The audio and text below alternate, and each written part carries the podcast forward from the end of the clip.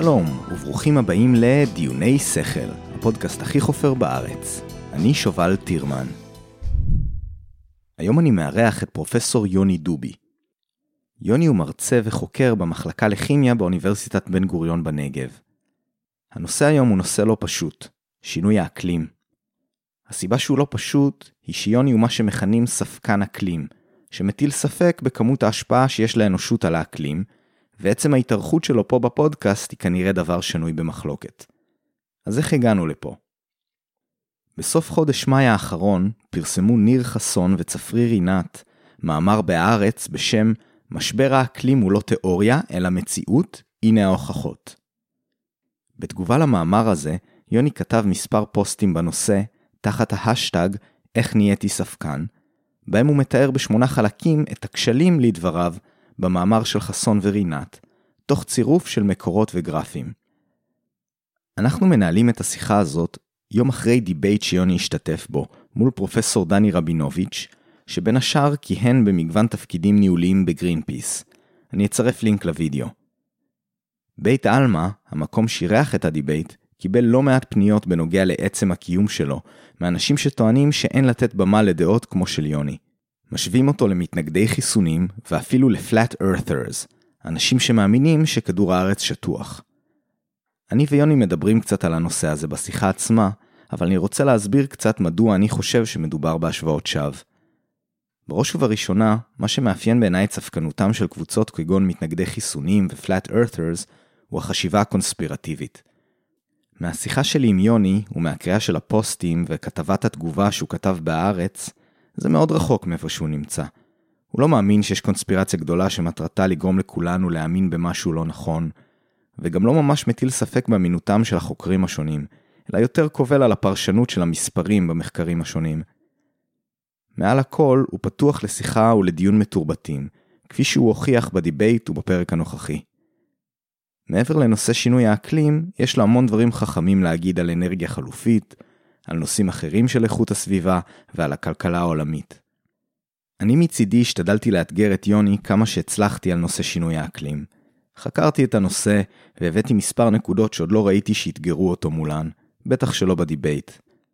אז מאזינים יקרים, אם אתם חושבים שטעיתי, שהייתי עדין מדי, או אם אתם רוצים להציע אורח שיביא את הצד השני של הסיפור הזה, זה הזמן שלכם.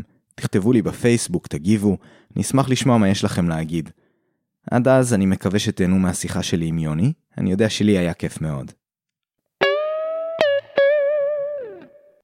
אני נמצא עם יוני דובי, שלום יוני. שלום שלום, מה העניינים? אני, אני מקפיד לקרוא לך יוני, אני יודע תודה. שאתה מעדיף את זה על יונתן. כן. אז אה, טוב, בוא, בוא, בוא נתחיל. אנחנו עכשיו נפגשים יום אחרי שבעצם היה לך אה, debate אה, מול פרופסור דני רבינוביץ'. ואני מתאר לעצמי שעל הנושא הזה אנחנו נדבר אה, רוב, ה, רוב הפרק, אני מקווה ש, שנגיע גם לנושאים אחרים, אה, שקשורים אבל אחרים. יאללה. ובעצם על מה היה ה debate? על ענייני שינוי האקלים. אז איכשהו אתה מצאת את עצמך בצד של ספקני האקלים, כן. שזה בעיני הרבה מאוד אנשים מילה גסה. כן. טוב שלא אמרת מכחישי אקלים. תודה לך על זה. אה, אוקיי, כן, אני, אני לא יודע למה לא, זה קרה, זה לא היה במודע. מה, אבל שמת לב כמה פעמים זה הוזכר אתמול. כן. מכחישי, הכחשה, מכחישים, הכחשה והקונוטציה הישראלית היא מיד הכחשת hmm. שואה. אבל לא, ספקני אקלים זה המילה היותר מדויקת. כן, אז... Hmm, מעניין, אתה יודע, זה כמו, זה כמו... אני אסביר לך למה, כי אתה יכול להכחיש רק אמת מוחלטת. ובמדע אף פעם אין אמת מוחלטת. אני חושב שזה באמת, אה, זה מהר מאוד נכנס לעניינים של פוליטיקה. בוודאי, בוודאי, אבל, אבל הרי, זה הסמנטיקה. אתה יודע מה, מה הדוגמה הקלאסית מבחינתי? לוחמי חופש של מול טרוריסטים. אוקיי. אוקיי? הם כן. מן הסתם ירצו לקרוא לעצמם לוחמי חופש, כן, ואחרים... כן. לא, אבל במיוחד בארץ יש איזו קונוטציה מאוד מאוד לא נעימה. אתה מכחיש, אז אתה מיד מכחיש שואה, וכבר קראו לי מכחיש שואה אקלימית עתידית, וואו. ומכחיש אפוקליפסה, וכל מיני שמות כאלה ש, שרצים אליי בפייסבוק, וזה בסדר. אבל באמת, ב, אם, אתה, אם רוצים לשמור על השיח אה, אה, מדויק, אז ספקן זה מילה הרבה יותר מדויקת. כי להכחיש, אתה יכול, mm-hmm. מילולית, אתה יכול להכחיש משהו שכבר קרה, או איזושהי אמת מוחלטת. ובמדע אין אמת מוחלטת אף פעם. כן. Um... אוקיי, טוב, אנחנו נגיע לגבולות הגזרה של, ה, של הסיפור הזה תכף. אז בעצם אתמול, הרבה מה, מהדיון בעצם סבב סביב הנושא הזה של ה... אמ, הלגיטימציה בכלל לצורך העניין לצאת כנגד הקונצנזוס המדעי. עכשיו באמת, עצרנו ודיברנו על העניין הזה של הספקנות. עכשיו, אני חושב שהסיבה שהמילה הזאת עלתה לי, כי אני באופן כללי בהרבה תחומים מגדיר את עצמי כספקן. יש כזה ב... ב, ב אנגלית, הם קוראים לזה scientific skepticism, וזה מאוד יכול לבלבל אנשים, כי הם יכולים לחשוב שאני ספקן לגבי המדע, בעוד שהכוונה היא שאני ספקן לגבי כל מיני דברים, okay. כן. וזה נובע מתוך הידע של המדע. אז באופן כללי, אתה. אני חושב שאתה בטח מגדיר את עצמך כספקן באופן אה, כללי. אני, קודם כל, אני באמת חושב שזה תכונת אופי. אה, זה קשור, זאת אומרת, אולי גם אתה מצאת את עצמך מתעצבן ממרות.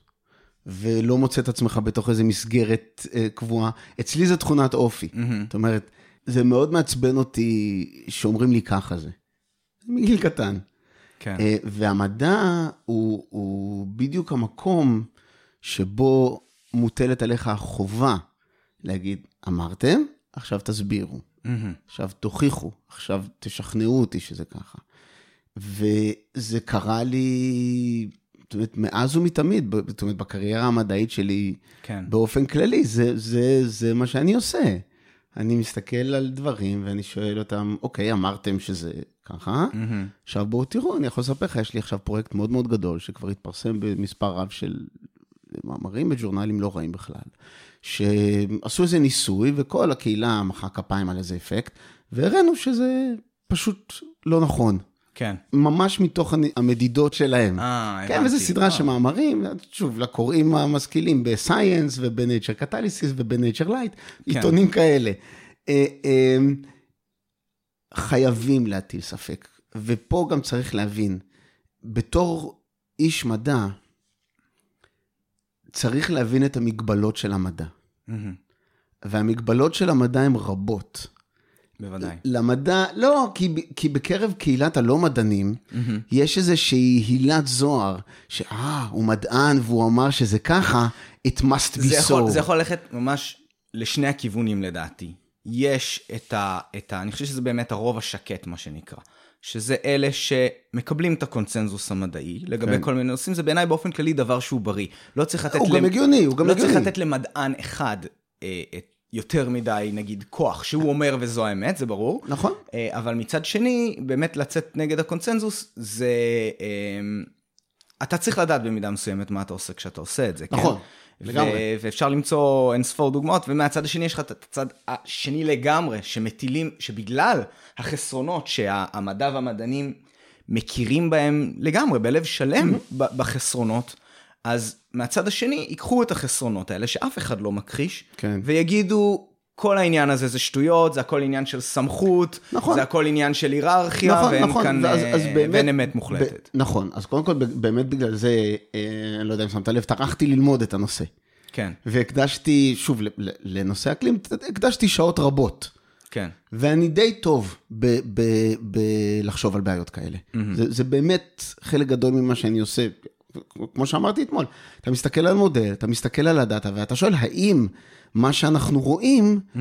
אומר את מה שאנחנו אומרים? כן. וזה, אה, אה, וכל הזמן אני מבקש ממדעני אקלים, כל הזמן אני אומר להם, תנו לי הוכחה, ת, ת, תנו לי משהו שאני אוכל להגיד, אה, ah, וואלה, לא חשבתי על זה, ואני כל פעם שומע ואומר, כל פעם אומרים לי, זה המודל הכי פשוט, התאר של אוקאם, והקורלציה מושלמת, ואין עוד הסבר אחר.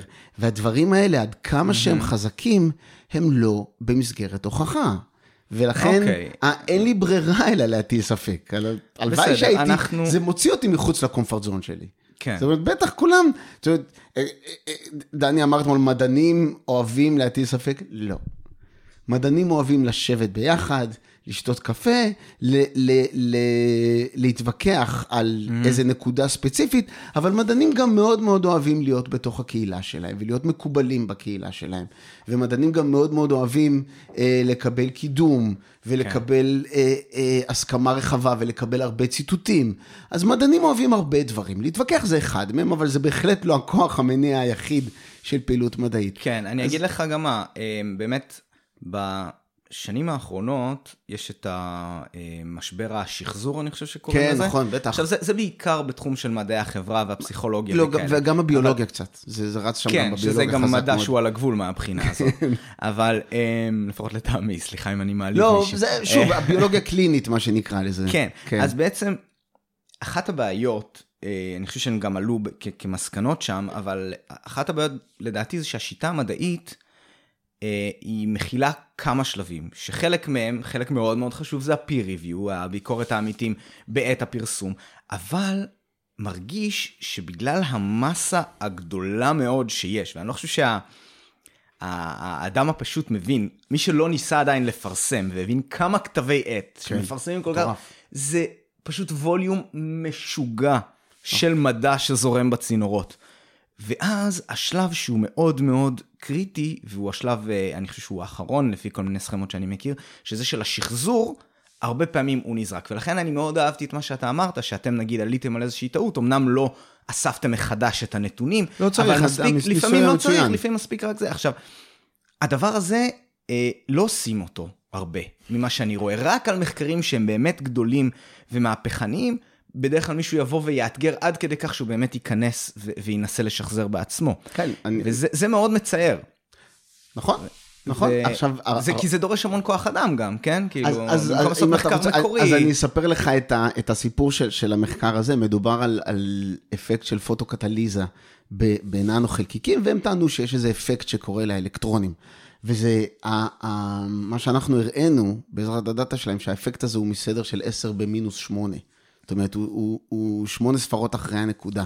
משהו תורם באמת לקטליזה, ושאר הקטליזה זה דברים אחרים וידועים. אתה מדבר ב-0 נקודה, כאילו ביחס לאפקט של הקטליזה עצמה. בדיוק, לאפקט של הקטליזה הרגיל. וגם במקרה הזה, ש... עכשיו צריך להבין, זה קהילת הכימאים שעוסקים בפוטוקטליזה, היא... יותר גדולה מקהילת מדעני האקלים. זאת אומרת, אנשים חושבים מדעני האקלים זה כאילו, זה, כן. בוא, בכל אוניברסיטה יש מחלקה אחת קטנה למדעי כדור הארץ, מתוך המחלקה הזאת יש קבוצה קטנה שעושה מדעי אקלים, מתוכם זה, זה לא תחום ענק, זה לא איזה, איזה כימיה, זה תחום הרבה יותר גדול. זה תחום מאוד מאוד גדול. אני עכשיו ראיתי שבבן גוריון שם קיבלו כאילו... מענקים לכימיה, כאילו כולם מכימיה, מי שקיבל את המענק. נכון, אז אני אומר, כימיה זה תחום הרבה יותר גדול ממדעי האקלים. כן. אתה, ואתה יכול לדמיין איזה התנגדות הייתה לפרסם. אנחנו עד עכשיו חלק מהדברים לא מצליחים לפרסם. כן. ולא מצליחים לפרסם לא בגלל שאנחנו טועים, mm-hmm. כי המאמר נכון, אלא בגלל שיש התנגדות מהקהילה. מעניין. כן, כן זה, זה, זה, זה, זה, הצד, זה הצד, הצד השני של ה-peer של ה-peer review, נכון? כן. ה-peer review, צריך להבין, זה מערכת קהילתית. כן. ובמיוחד בקהילה כמו מדעי האקלים, שהיא קהילה קטנה, זה מה שאני אומר, זה, כאילו, אנשים אומרים, אלפי מדענים, אלפי מדענים זה מספר קטן. כן, כן, כן, כן. אלפי מדענים זה מספר קטן. כן. כנסים לכימיה, זה 15 אלף איש. האמריקן קמיקל סוסייטי, אתה הולך, זה 15 אלף איש במרכז כן. קונגרסים, ולא, והרוב לא באים, צריך להבין, וזה, אז המערכת ה-peer review היא מערכת קהילתית, כן. וכמערכת קהילתית יש לה יתרונות גדולים. ויש לה חסרונות, ובאמת, המבחן הגדול בסופו של דבר, של, של אה, תוצאה מדעית, הוא, הוא מבחן הזמן. Mm-hmm. ומבחן הזמן, אה, אה, אי אפשר, you can't rush it. כן. אז אה, אה, בגלל זה להטיל ספק, במובן הזה זה חשוב, mm-hmm. כי... אני מזרז קצת את מבחן הזמן. הבנתי מה אתה אומר. כן, תראה, באופן כללי, אוקיי. אני לא חושב שיהיה אף אחד אה, שיערער על, אה, בוא נקרא לזה הטלת ספק בריאה. ואז בעצם או. השאלה היא, איפה עובר הגבול? הרי אני חושב שאתה אה, תסכים איתי, ואני מצטער שאני הולך פה על ה... על ה, לא על ה באמת על ה-low-hanging fruit, כן. אבל אה, שאנשים שחושבים שכדור הארץ שטוח, הם משוגעים. ואנשים שחושבים שחיסונים גורמים לאוטיזם, הם מטומטמים ובורים. עכשיו, אין לי בעיה לקרוא להם אני לא הייתי אומר משוגעים ומטומטמים, בורים זה מספיק. אז זהו, אז זה בדיוק העניין, שהבורות היא... אני לא מזדרז לקרוא לאנשים משוגעים ומטומטמים, בורות היא... אז זהו, אני חושב שזה דווקא פחות, הרי מה, מה זה בורות בסופו של דבר? מדובר פה על חוסר בידע. נכון. עכשיו, זה לא שחסר להם ידע, זה שיש להם המון ידע, והוא לא נכון. זה יכול להיות. אוקיי? כן. והם, והם, והם חרוצים, הם ילכו והם יקראו, ואתה יודע, ולכן כשאתה אמרת לי, כשקופץ לי לראש, עכשיו אני כמובן, אני, אני מעריך אותך הרבה יותר מ... כשאתה אומר. עשיתי את המחקר שלי, אני מבין שהרבה מהמחקר שלך נעשה בגוגל סקולר, ופחות uh, בגוגל באתרים uh, ש, שהבראוזר. שהבראוזר מקפיץ לך שהם ברור, uh, לא, לא. unsecure, כן? כן. אז um, כן, ואתרי חדשות וכאלה, uh, ובלוגים. אז, אז אני... דווקא בלוגים בתחום הזה יש לא רעים. אני אהיה בטוח, בשני הצדדים. אני בטוח שיש ברמה גבוהה, כן? כן. אני רק אומר ש, שבלוגים זה, זה, זה לא peer reviewed לצורך העניין.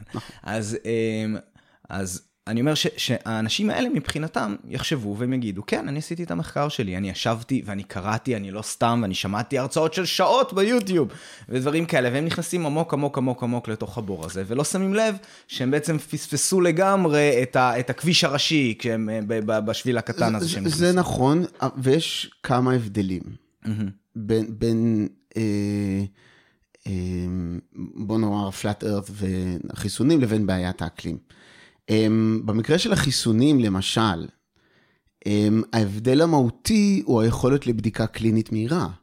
זאת אומרת, האיסוף הסטטיסטי של תוצאות ניסוי הן מהירות וברורות.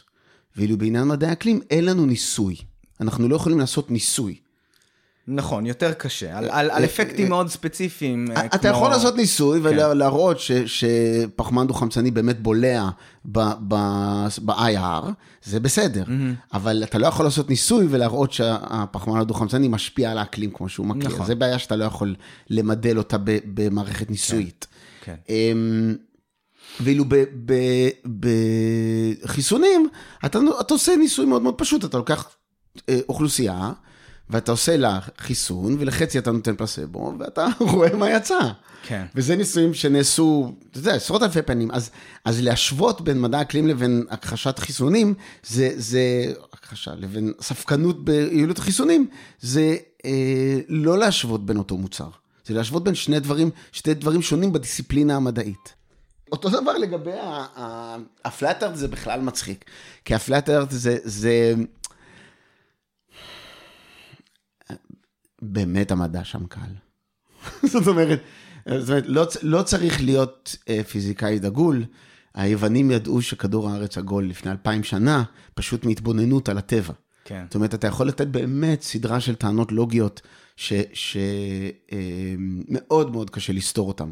אז זה בסדר. כן, אני אגיד לך, אני אגיד אבל, לך אבל איפה... אני אתן דוגמה נגדית, אני אתן דוגמה נגדית. כן. אה, שהוזכר אתמול כמובן העובדה שכדור הארץ מסתובב סביב השמש, והתצפיות של גלילאו וכן הלאה, ו- וכמובן אה, דני ניסה להראות שאני לוקח איזו עמדה קופרניקאית והופך לגיבור, זה לא, העניין לא קשור אליי בכלל.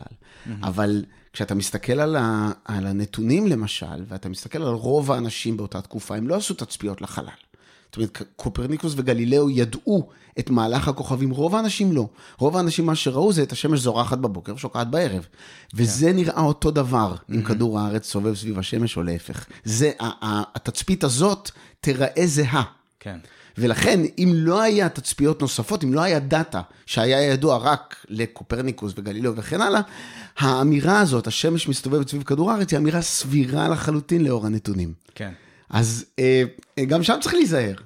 כן, אז אני- טוב, בסדר, אני חושב שהבעיות העיקריות עם אה, קופרניקוס וגלילאו זה, זה ההתנגדות שהם קיבלו בהינתן הנתונים החדשים האלה. וה... אבל רוב האנשים לא ידעו את הנתונים. כן, אבל זה לא כאילו הם באו והם הראו והיה שם אה, דיון פורה על האם... אה, אגב, גם, אבל- גם שם הסיפור מעניין, הכנסייה לא, לא אמרה, אתה טועה. היא אמרה, אל תפרסם את הספר שלך, אל, אל תתקע לנו אצבע בעין. שזה לא בסדר, כן? אני לא כן. תומך כנסייתי גדול, אבל אה, אה, ה- הכנסייה, היא אמרה, "תראה, יכול להיות שאתה צודק, בוא לא תעשה מזה סיפור. כן.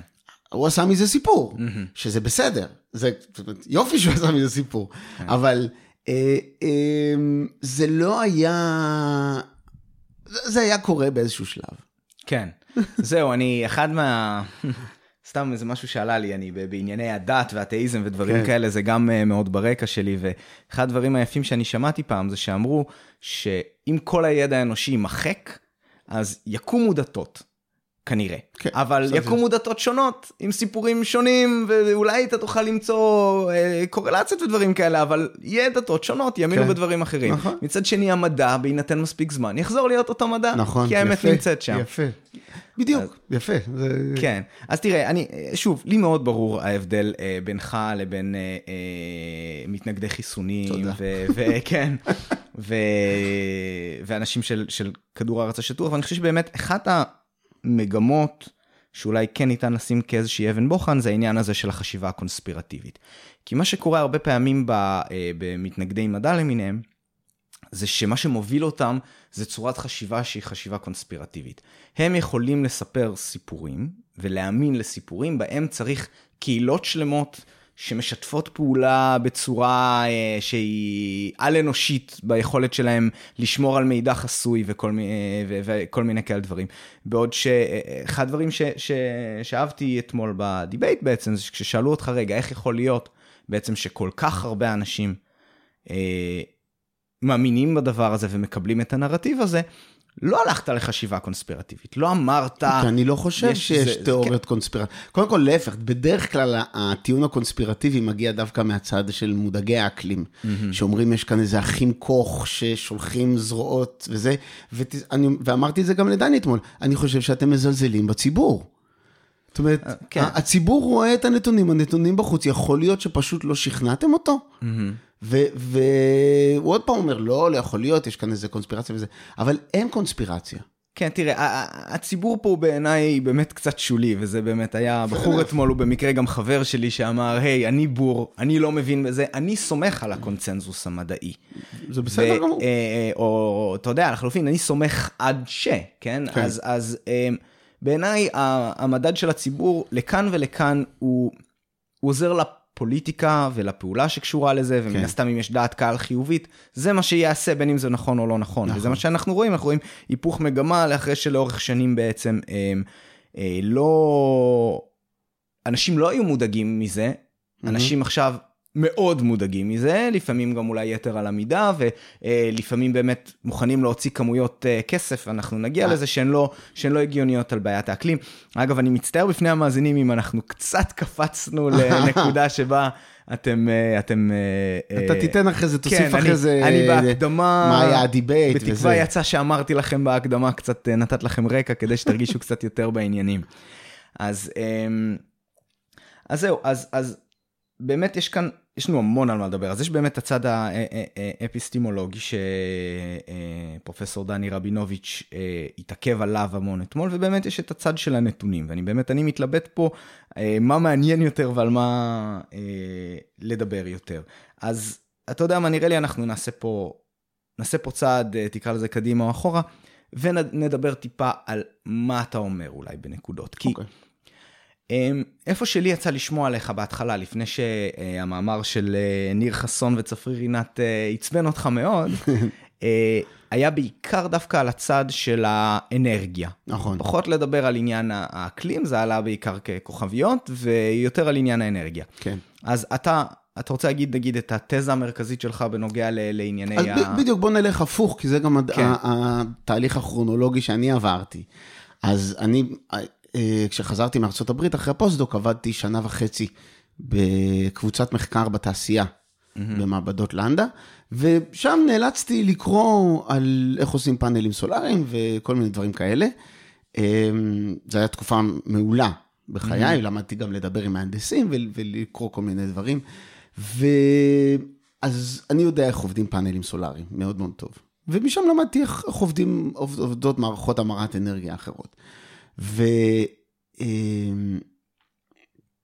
ומהתבוננות בנתונים, פשוט מלקרוא את, את, את איך הדברים האלה עובדים, הגעתי למסקנה ששוב מוכיחה את עצמה עוד פעם ועוד פעם לאור הנתונים, שאי אפשר להפיק חשמל בסקלות גדולות מפאנלים סולאריים. פשוט אי אפשר לעשות את זה. אמ, וזה נובע מכמה סיבות. סיבה ראשונה היא שהמחירים שלהם הם, שזה אנרגיה יותר יקרה. וכמו שאני רואה את זה, הבעיה שלנו היא לא להמיר את האנרגיה במדינות כמו שוודיה וגרמניה, אלא להביא את ברכת האנרגיה, ברכת האנרגיה למדינות עניות. Mm-hmm. כי העשירים יסתדרו בכל מקרה. כן. ו- ומי שסובלים תמיד זה, זה אנשים במדינות הנחשלות, ושם אתה רוצה לעשות הרבה אנרגיה. כן. ואתה רוצה לעשות את זה זול. נכון, אחד הדברים שאני, שאני אהבתי שאתה אמרת, כי באמת לנו יש נטייה כזאת אה, כבני אדם, בטח בני אדם שחיים במדינה, אפשר לקרוא לזה עשירה לפי כמעט כל קריטריון. בטח. ובאמת, אה, יש לנו את הנטייה הזאת של להיות מודאגים מכל מיני דברים. אז אנחנו חונכנו, אני ואתה אה, גדלנו ב- בישראל, ואנחנו חונכנו שאי אפשר להשאיר את הברז דולק. כן. אה, ואותו כנ"ל לגבי חשמל, יוצאים מהבית וסוגרים אה, את האור, לא, אין סיבה כן. שהאור יישאר דולק, ובטח שלא זה המזגן נכון כשיוצאים. מהבית, וזה נכון, אנחנו לא רוצים לבזבז אנרגיה. נכון. מצד שני, נוצרה איזושהי תחושה שבזבוז אנרגיה זה דבר שהוא רע. ששימוש ואהבתי באנרגיה זה דבר כן. רע. נכון. ו- ואני מאוד אהבתי את האמירה שלך, אני חושב שזה היה אולי בריאיון שלך בגיקונומי, שאתה אמרת, רגע, רגע, בואו נארגן את הדברים. להשתמש באנרגיה זה דבר חיובי, זה מראה על התפתחות, זה מראה על התקדמות של אוכלוסייה, בוודאי. על מערכות בריאות, כן, על, מה- כן. על תשתיות, על דברים כאלה. ובאמת, אתה, אחת התמונות שאתה אוהב להציג זה את התמונה של אפריקה בלילה, שהיא מאוד מאוד חשוכה. מאוד, זה, ו, ו, וזה משהו, זה היה לי ראיון אצל עומר מואב. בערוץ אחד, ואמרתי, עושים אנרגיה, אז הוא אמר לי, כן, הסיני אה, עובר לעיר, רוצה לאכול במקדונלדס ורוצה ל- ללכת לסרט. ו- וזה כאילו תפיסה מצחיקה. העלייה בשימוש באנרגיה זה הסיני עובר מהכפר לעיר כדי לאכול במקדונלדס ולראות בסרט. השימוש באנרגיה שלנו הוא the underlying structure של כל הרווחה האנושית, mm-hmm. מייצור מזון בצורה שתאפשר לנו לאכול בצורה נכונה, ועד תחבורה שתאפשר לנו לנוע בצורה חופשית, ועד בריאות שמאפשרת לנו לחיות יותר טוב להרבה mm-hmm. זמן, ופיתוח אה, אה, חינוכי. בתי ספר כן. ואוניברסיטאות ו- וכבישים ותרבות, הכל, הכל, הכל, כל מדד שהוא חיובי בחברה המערבית, עולה אנרגיה. אין דרך לעשות את זה אחרת. ו, אה, ומשם צריך להתחיל. עכשיו, אני לא חושב שדני רבינוביץ' כופר באמירה הזאת. זאת אומרת, גם הוא יגיד לך, ברור, ברור, ברור, אי אפשר לרדת לרמת האנרגיה של 1880. כן. אי אפשר. אז, אז עכשיו השאלה היא מה אנחנו רוצים לעשות. האם אנחנו רוצים אה, אה, לעצור את ההתפתחות ולהמיר את כל האנרגיה שיש עכשיו בעולם לפאנלים סולאריים, שזה אי אפשר לעשות. גם טכנולוגית אי אפשר לעשות, משתי סיבות. אה, אה, זאת אומרת, יש כאן סיבות פיזיקליות, הצפיפות האנרגיה של השמש היא פשוט דלילה מדי. Uh, זה סיבה אחת. סיבה שנייה פיזיקלית, שהשם, שהסקייל אפ הוא דו-ממדי בפאנלים סולאריים.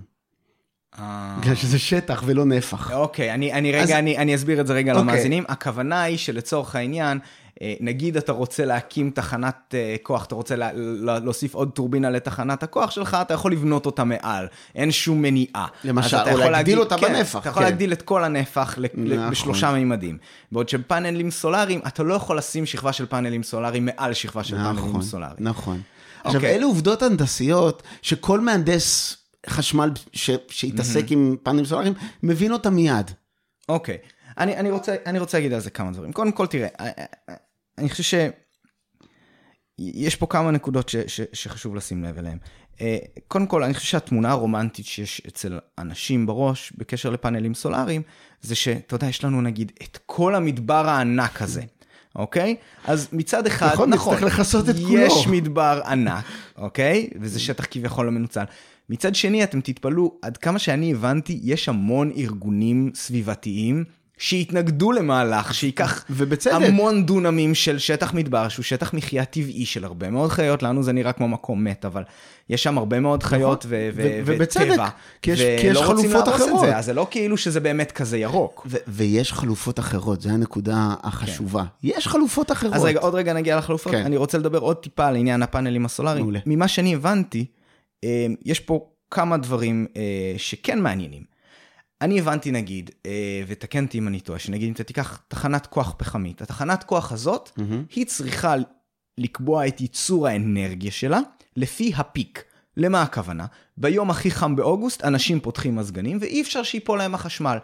אז הם כל התשתית של כל תחנת הכוח הזאת תהיה בנויה בשביל הימים החמים ביותר שכולם מפעילים מזגנים, גם אם בשאר הימים עובדים על 80% מהאנרגיה הזאת. בגדול זה נכון. יש, ו... יש אפשרויות משחק עם תחנות גז, תחנות מופעלות בגז. בדיוק. יש אז... קצת יותר משחק. כן.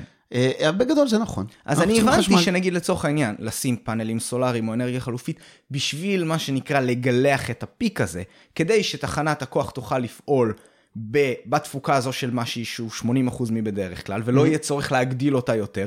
למה? כי בשעות היום, היום זה לא כמו פעם שרוב האנרגיה מתבזבזת בלילה על חשמל, על, על תאורה, אלא, אני לפחות בארץ, אני חושב שזה ביום על מזגנים, mm-hmm. וביום יש לך שמש, ואז אם אתה יכול להוריד את, את פעילות התחנת כוח אפילו מ-100% ל-95%, וש-5% יהיה על פאנלים סולאריים, זה מאוד, זה דווקא יכול להיות אה, אה, כדאי מבחינה כלכלית. יפה.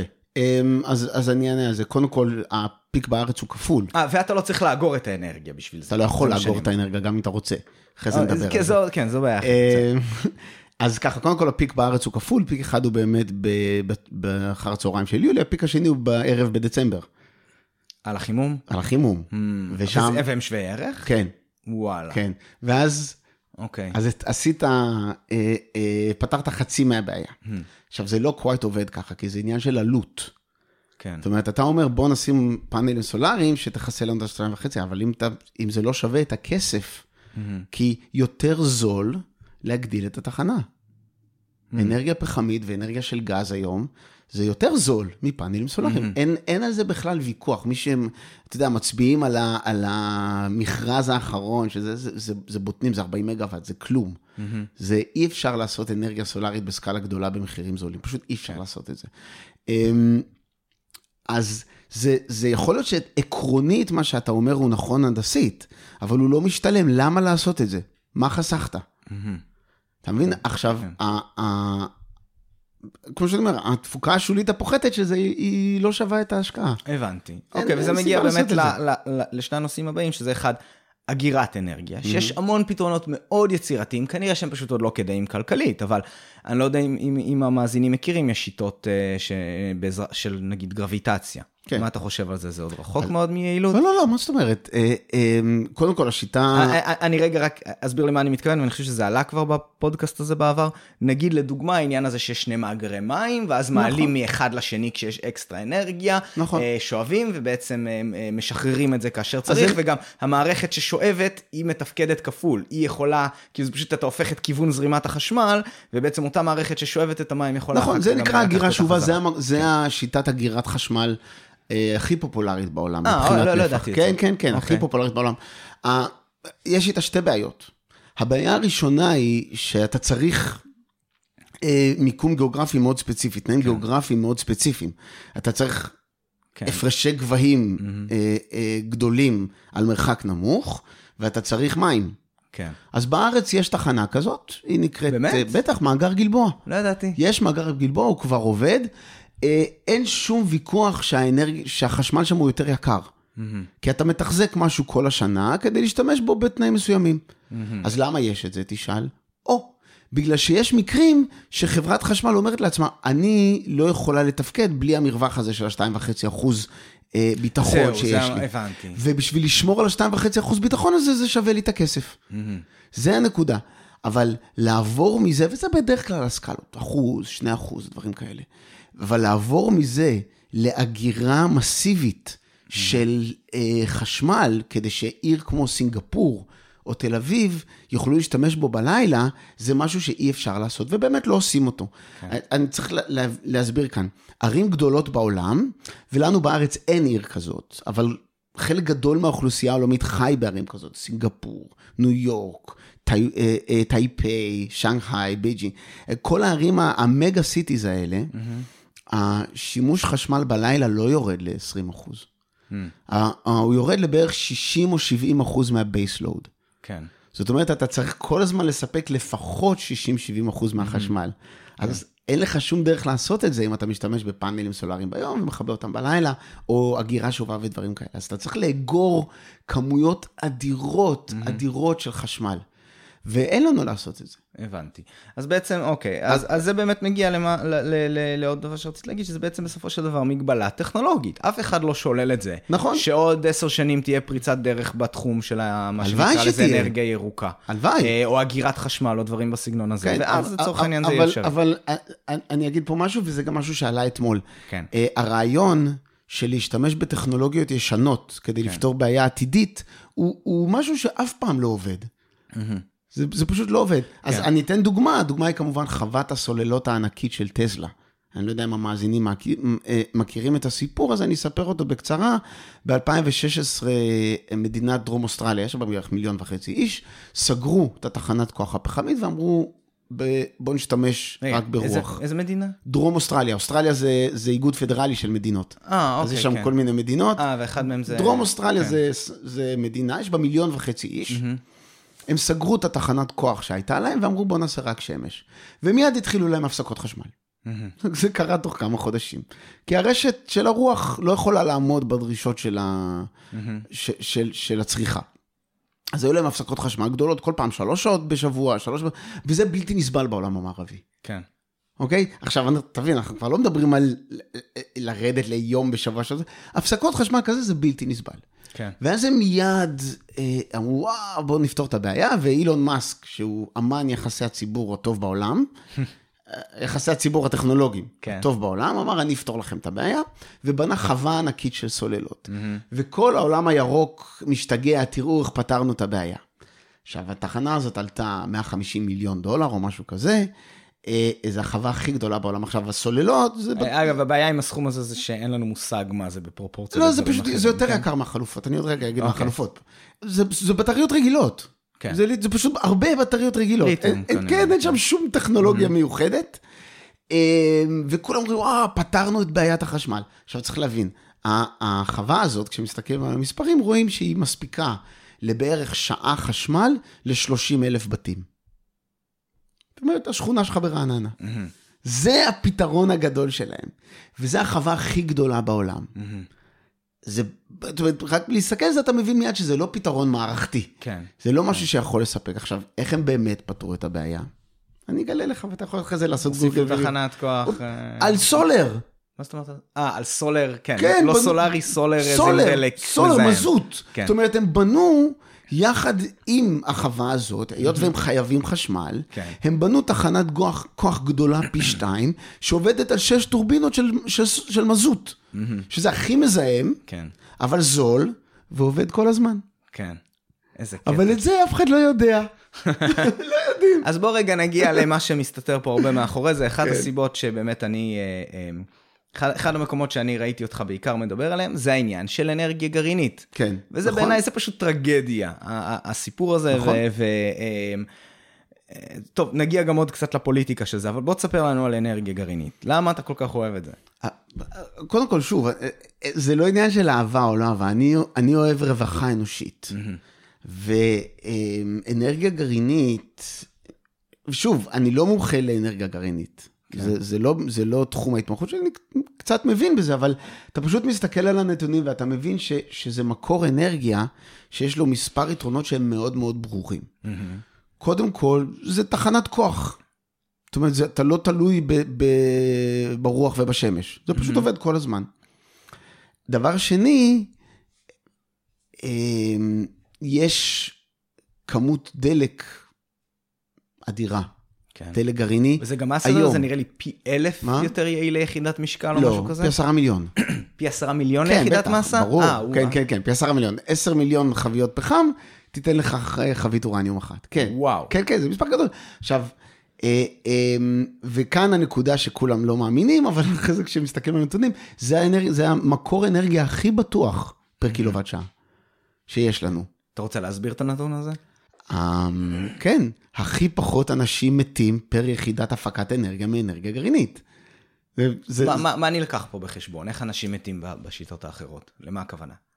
אז אתה יכול לקחת בחשבון בפחם, כל מה, מיני דברים. עובדים במפעלים? כן, קודם כל ו- עובדים במפעלים, אתה יכול לעשות הערכות, שזה ארגון האו"ם העולמי אומר, Mm-hmm. הערכות של נזקי אה, מחלות ומחלות ריאה ודברים זהו, כאלה. גם אלה, אתה אוקיי. יכול לקחת אה, תאונות ממש, נכון?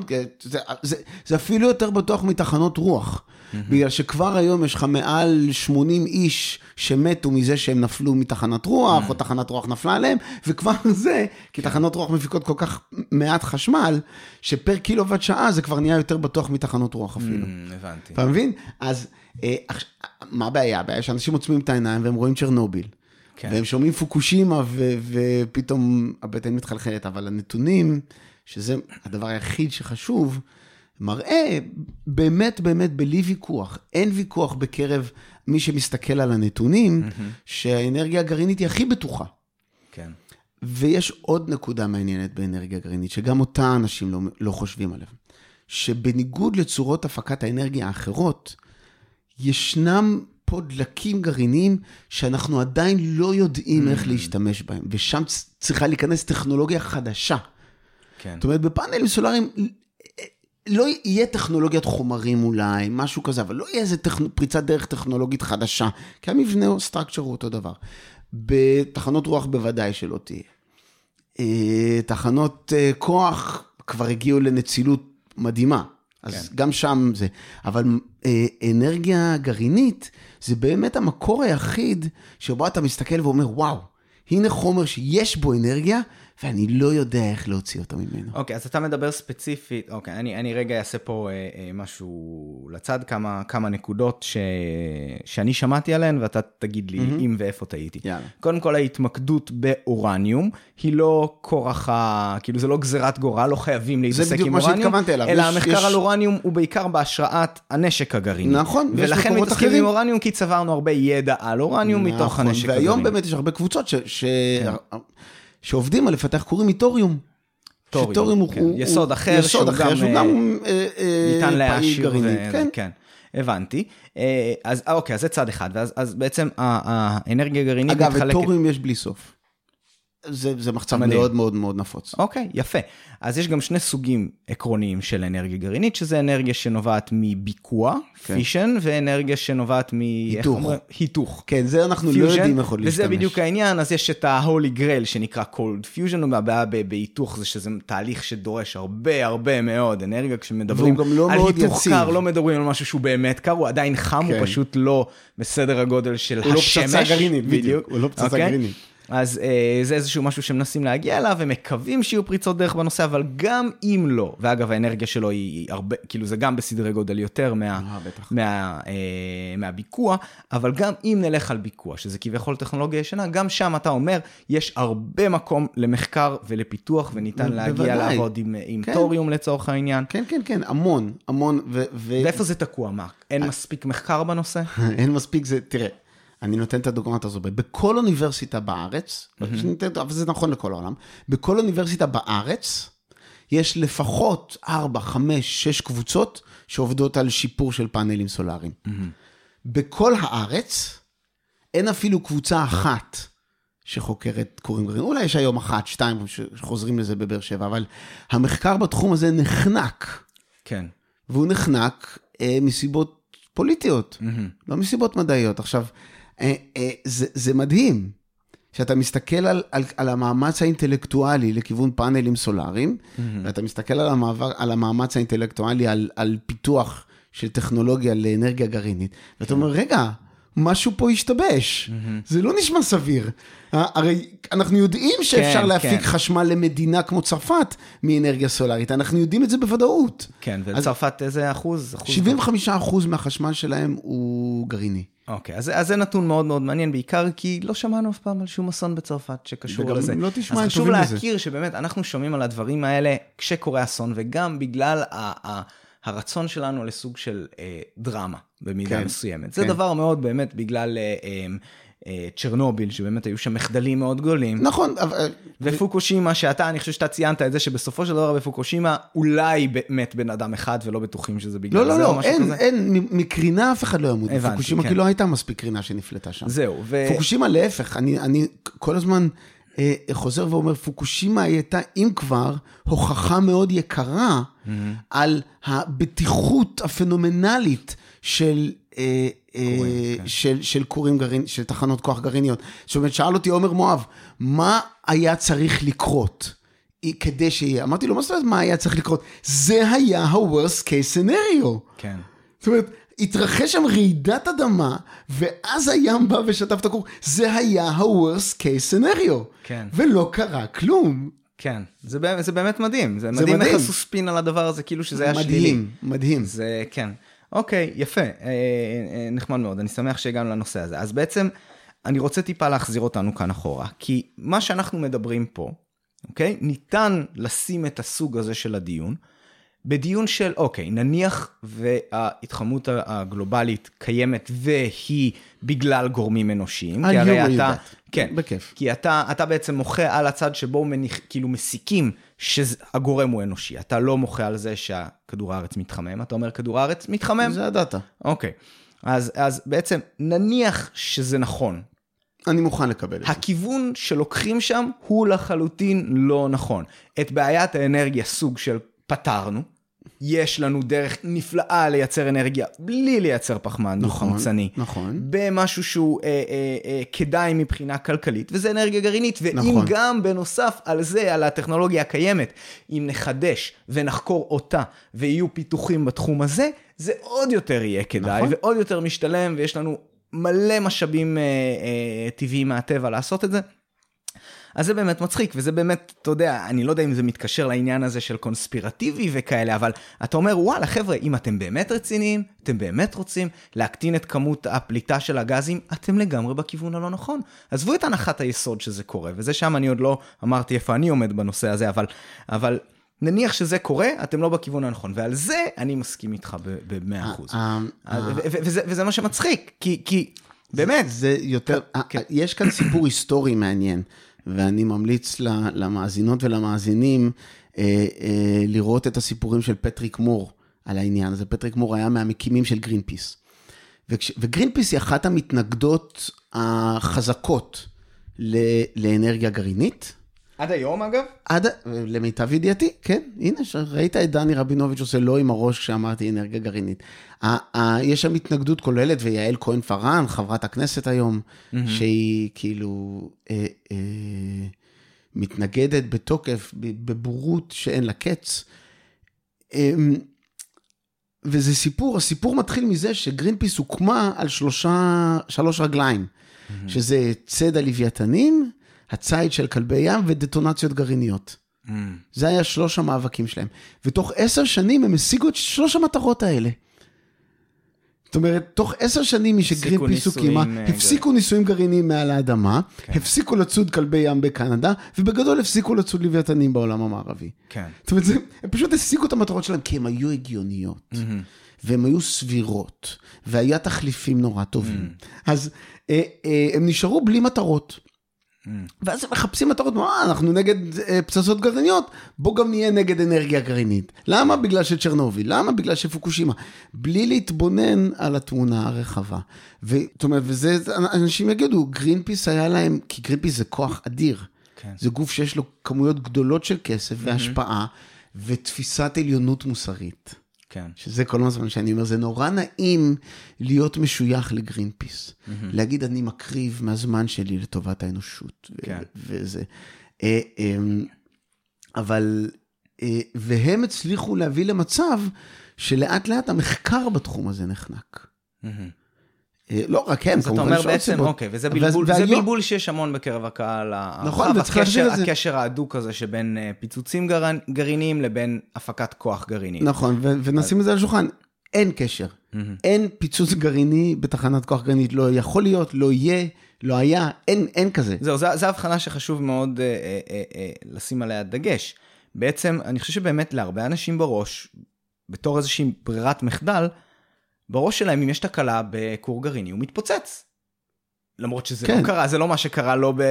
לא, אה, אה, משהו מתפוצץ. אה, כן. מה זה פיצוץ? פיצוץ זה שחרור מהיר mm-hmm. של כמות גדולה של אנרגיה, נכון? כן, כן, כן. אז פיצוץ גרעיני זה כשהאנרגיה של הגרעין משתחררת מהר. Mm-hmm. זה מאוד מאוד קשה לעשות. כן. זה קשה להביא גרעינים למצב שיעשו את זה. כן. צריך פצצה גרעינית, זה מאוד מסובך לייצר. הבנתי. מה שקרה בצ'רנוביל, אגב, mm-hmm. ולא קרה בפוקושימה, צריך להבין, בפוקושימה לא היה פיצוץ. Mm-hmm. הליבת הכור שלמה. אוקיי. Okay. מה שקרה בצ'רנוביל, זה שמים התחממו, מה שלא היה מבוקר זה ההתחממות. המערכת התחממה מאוד, יש שם מים, המים הופכים לעדים, עדים תקועים בליבת הכור, לחץ יותר ויותר גבוה, כי טמפרטורה ולחץ הם פרופורציונליים זה לזה. כן. אה, אה, הלחץ הולך, הולך, הולך, הולך, ואז בבת אחת, הלחץ העדים משתחרר ועושה פיצוץ. בפיצוץ. אז זה לא פיצוץ גרעיני. הבנתי. זה, זה פיצוץ, פיצוץ, זה, זה, כן. רגיל. כמו שאתה זורק אה, קופסת שימורים למדורה. זה בדיוק, זה בדיוק הפיצוץ הזה. כן. הבנתי. רק גדול. אוקיי, בסדר גמור. אז אני בעיניי, באמת, הסיפור הזה של האנרגיה הגרעינית הוא מאוד מאוד מצער, ומבחינתי זה עלה לאחד מ... מ זה על סדר היום שלי מבחינתי, לדבר על הנושא הזה.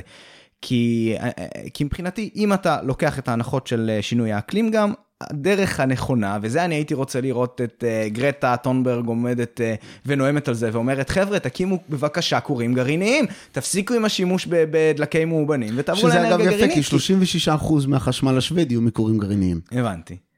אוקיי. לא. לא, מעניין אותי אגב מה הדעה שלה בנושא הזה, מעניין אם יש אה, ציטוטים. אני לא חושב שיש לה דעה בשום נושא שמעורבים בו נתונים. אוקיי, בסדר. הניחוש שלי. עקיצה על אה, לא, ילדה בת 14. אה, אי אפשר לנופף כן. בדגל הבורות כן. בצורה כל כך קיצונית ולצפות שנאהב את זה. נכון. יש פה בעיות הנדסיות, מדעיות, טכנולוגיות. השאלה how dare you היא לא שאלה רלוונטית, יקירתי. כן. זה לא עובד ככה. כן, וזה אגב, אה, יוני פה מתייחס לנאום שהיא נסעה לפני כמה ימים, אני, אני אצרף לינק לזה. למי שעוד לא ראה ולא ראה את התגובות, זה ממש מעניין הסיפור הזה, אבל לא, לא, לא ניכנס לזה לעומק לא, עכשיו. לא, עכשיו, לא, ניכנס לזה רק עוד שנייה, היא שואלת, ואתם עוד מעזים לשאול אותי כמה זה עולה? How dare you? Mm-hmm. השאלה כמה זה עולה היא השאלה החשובה, בגלל... שאם אתה מחפש מקור אנרגיה יקר, אתה לעולם לא תוכל להביא אותו למדינות המתפתחות. Mm-hmm. אתה לעולם לא תוכל, כי הם עניים, אין כן. להם כסף גם ככה. כן. אז בוודאי שצריך לשאול כמה זה עולה. הבנתי. זו שאלה בסיסית mm-hmm. ב- ב- כן, בתחום. זה כאילו, זה כאילו, ב- ב- כשאתה נכנס לאידיאליזם, הסיפור הזה של עלות תועלת הולך הצידה, וזה אף פעם לא יכול ללכת הצידה. זה יפה נכון. בתיאוריה, אבל, אבל אי אפשר, חייבים להתייחס לזה. נכון. אז ברשותך, אני רוצה קצת, כי אני מרגיש ששוב, אנחנו הלכנו מאוד לכיוון הזה של ההסכמה, אני רוצה קצת למצוא את האי הסכמה שלנו. יאללה. כשזה נוגע לעניינים האלה של השינויי האקלים, אני בטוח שעכשיו הרבה, מה, הרבה מהמאזינים נושמים לרווחה, כי זהו, אין מה לעשות, חייבים עכשיו להיכנס לבעיות ש, שלי יש. אז טוב, דיברנו על העניין האפיסטימולוגי, אה, אני מקווה שאני משתמש במילה הזו נכון בכלל, אבל כן. uh, העניין הזה גם של לצאת כנגד הקונצנזוס המדעי וכל מיני mm-hmm. דברים בסגנון, אתה גם אומר אגב, אני לא לבד. יש מקומות שאומרים את זה, אם אה, תיכנסו ברור. למחקרים עצמם אתם גם תראו שאפילו אלה, ואני אתקן אותי אם אני טועה, אפילו אלה שאומרים שזה קורה, הם הרבה פעמים במחקר עצמו הם יסייגו את, אה, וישימו את, ה, את תחומי הביטחון שלהם וכל מיני כאלה דברים, וזה הרבה פעמים נופל בכותרות הגדולות. נכון. אז אני עדיין, לי טיפה קשה עם העניין הזה של היציאה אה, אה, כנגד הקונצנזוס המדעי, בגלל ש... בגלל זה לקח לי חמש שנים. כן. כי... וגם העניין הזה של הסיכון ואיך אתה מעלה את הסיכון, יש כל מיני סיבות, אוקיי? Mm-hmm. אם לרגע נשים את עניין ההתחממות בהשראת הפחמן דו-חמצני האנושי, אוקיי? כן. הרי על זה, אני כן. רגע אעצור ואחדד פה.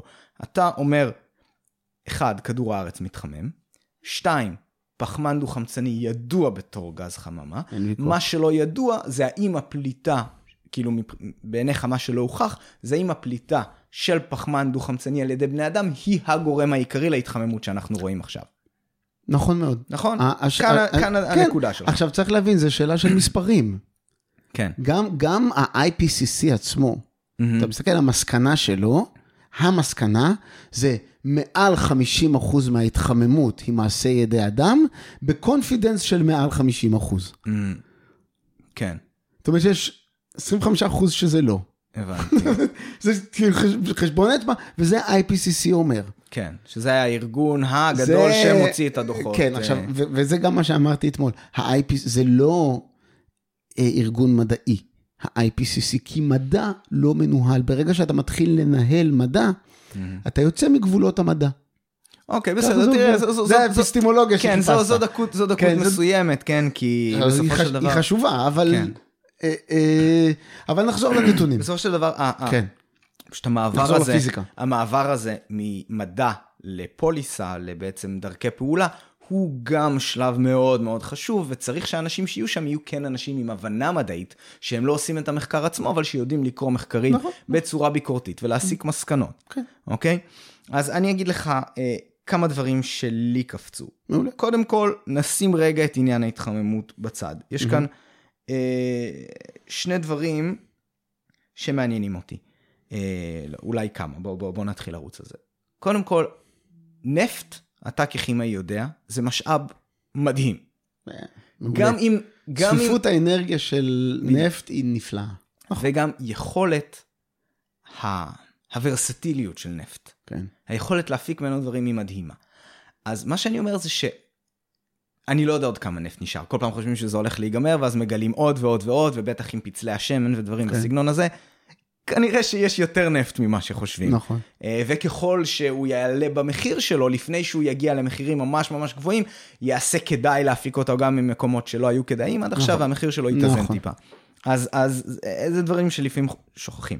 מה שכן, לשרוף נפט, בפני מגיע. עצמו זה דבר מבאס, כי זה חומר שאפשר לעשות איתו כל כך הרבה דברים. אתה יודע, נסתכל סביבנו פה בחדר הזה, כמה דברים הופקו מנפט. אז נכון. נגיד, אחת הדאגות שלי בנושא זה שאם נגיע למצב, הרי מתי נפסיק להשתמש בנפט?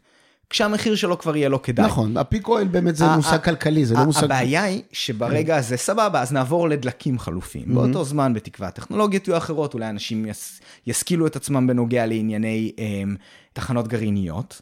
ואולי נעבור להפיק אנרגיה בצורה הזאת, ויהיה כל מיני התפתחויות, ולא נצטרך יותר את הנפט לאנרגיה. אבל אז, מה אם המחיר של הנפט הוא כבר כל כך גבוה, שהמחיר של שאר הדברים יתחיל לעלות? ומדובר על תרופות ועל מזון ועל, ו, ובטח, אתה יודע, כל הפלסטיקים שאנחנו משתמשים בהם, ודברים נכון. בסגנון הזה, ואז, אז, אז זו קצת בעיה. ואז uh,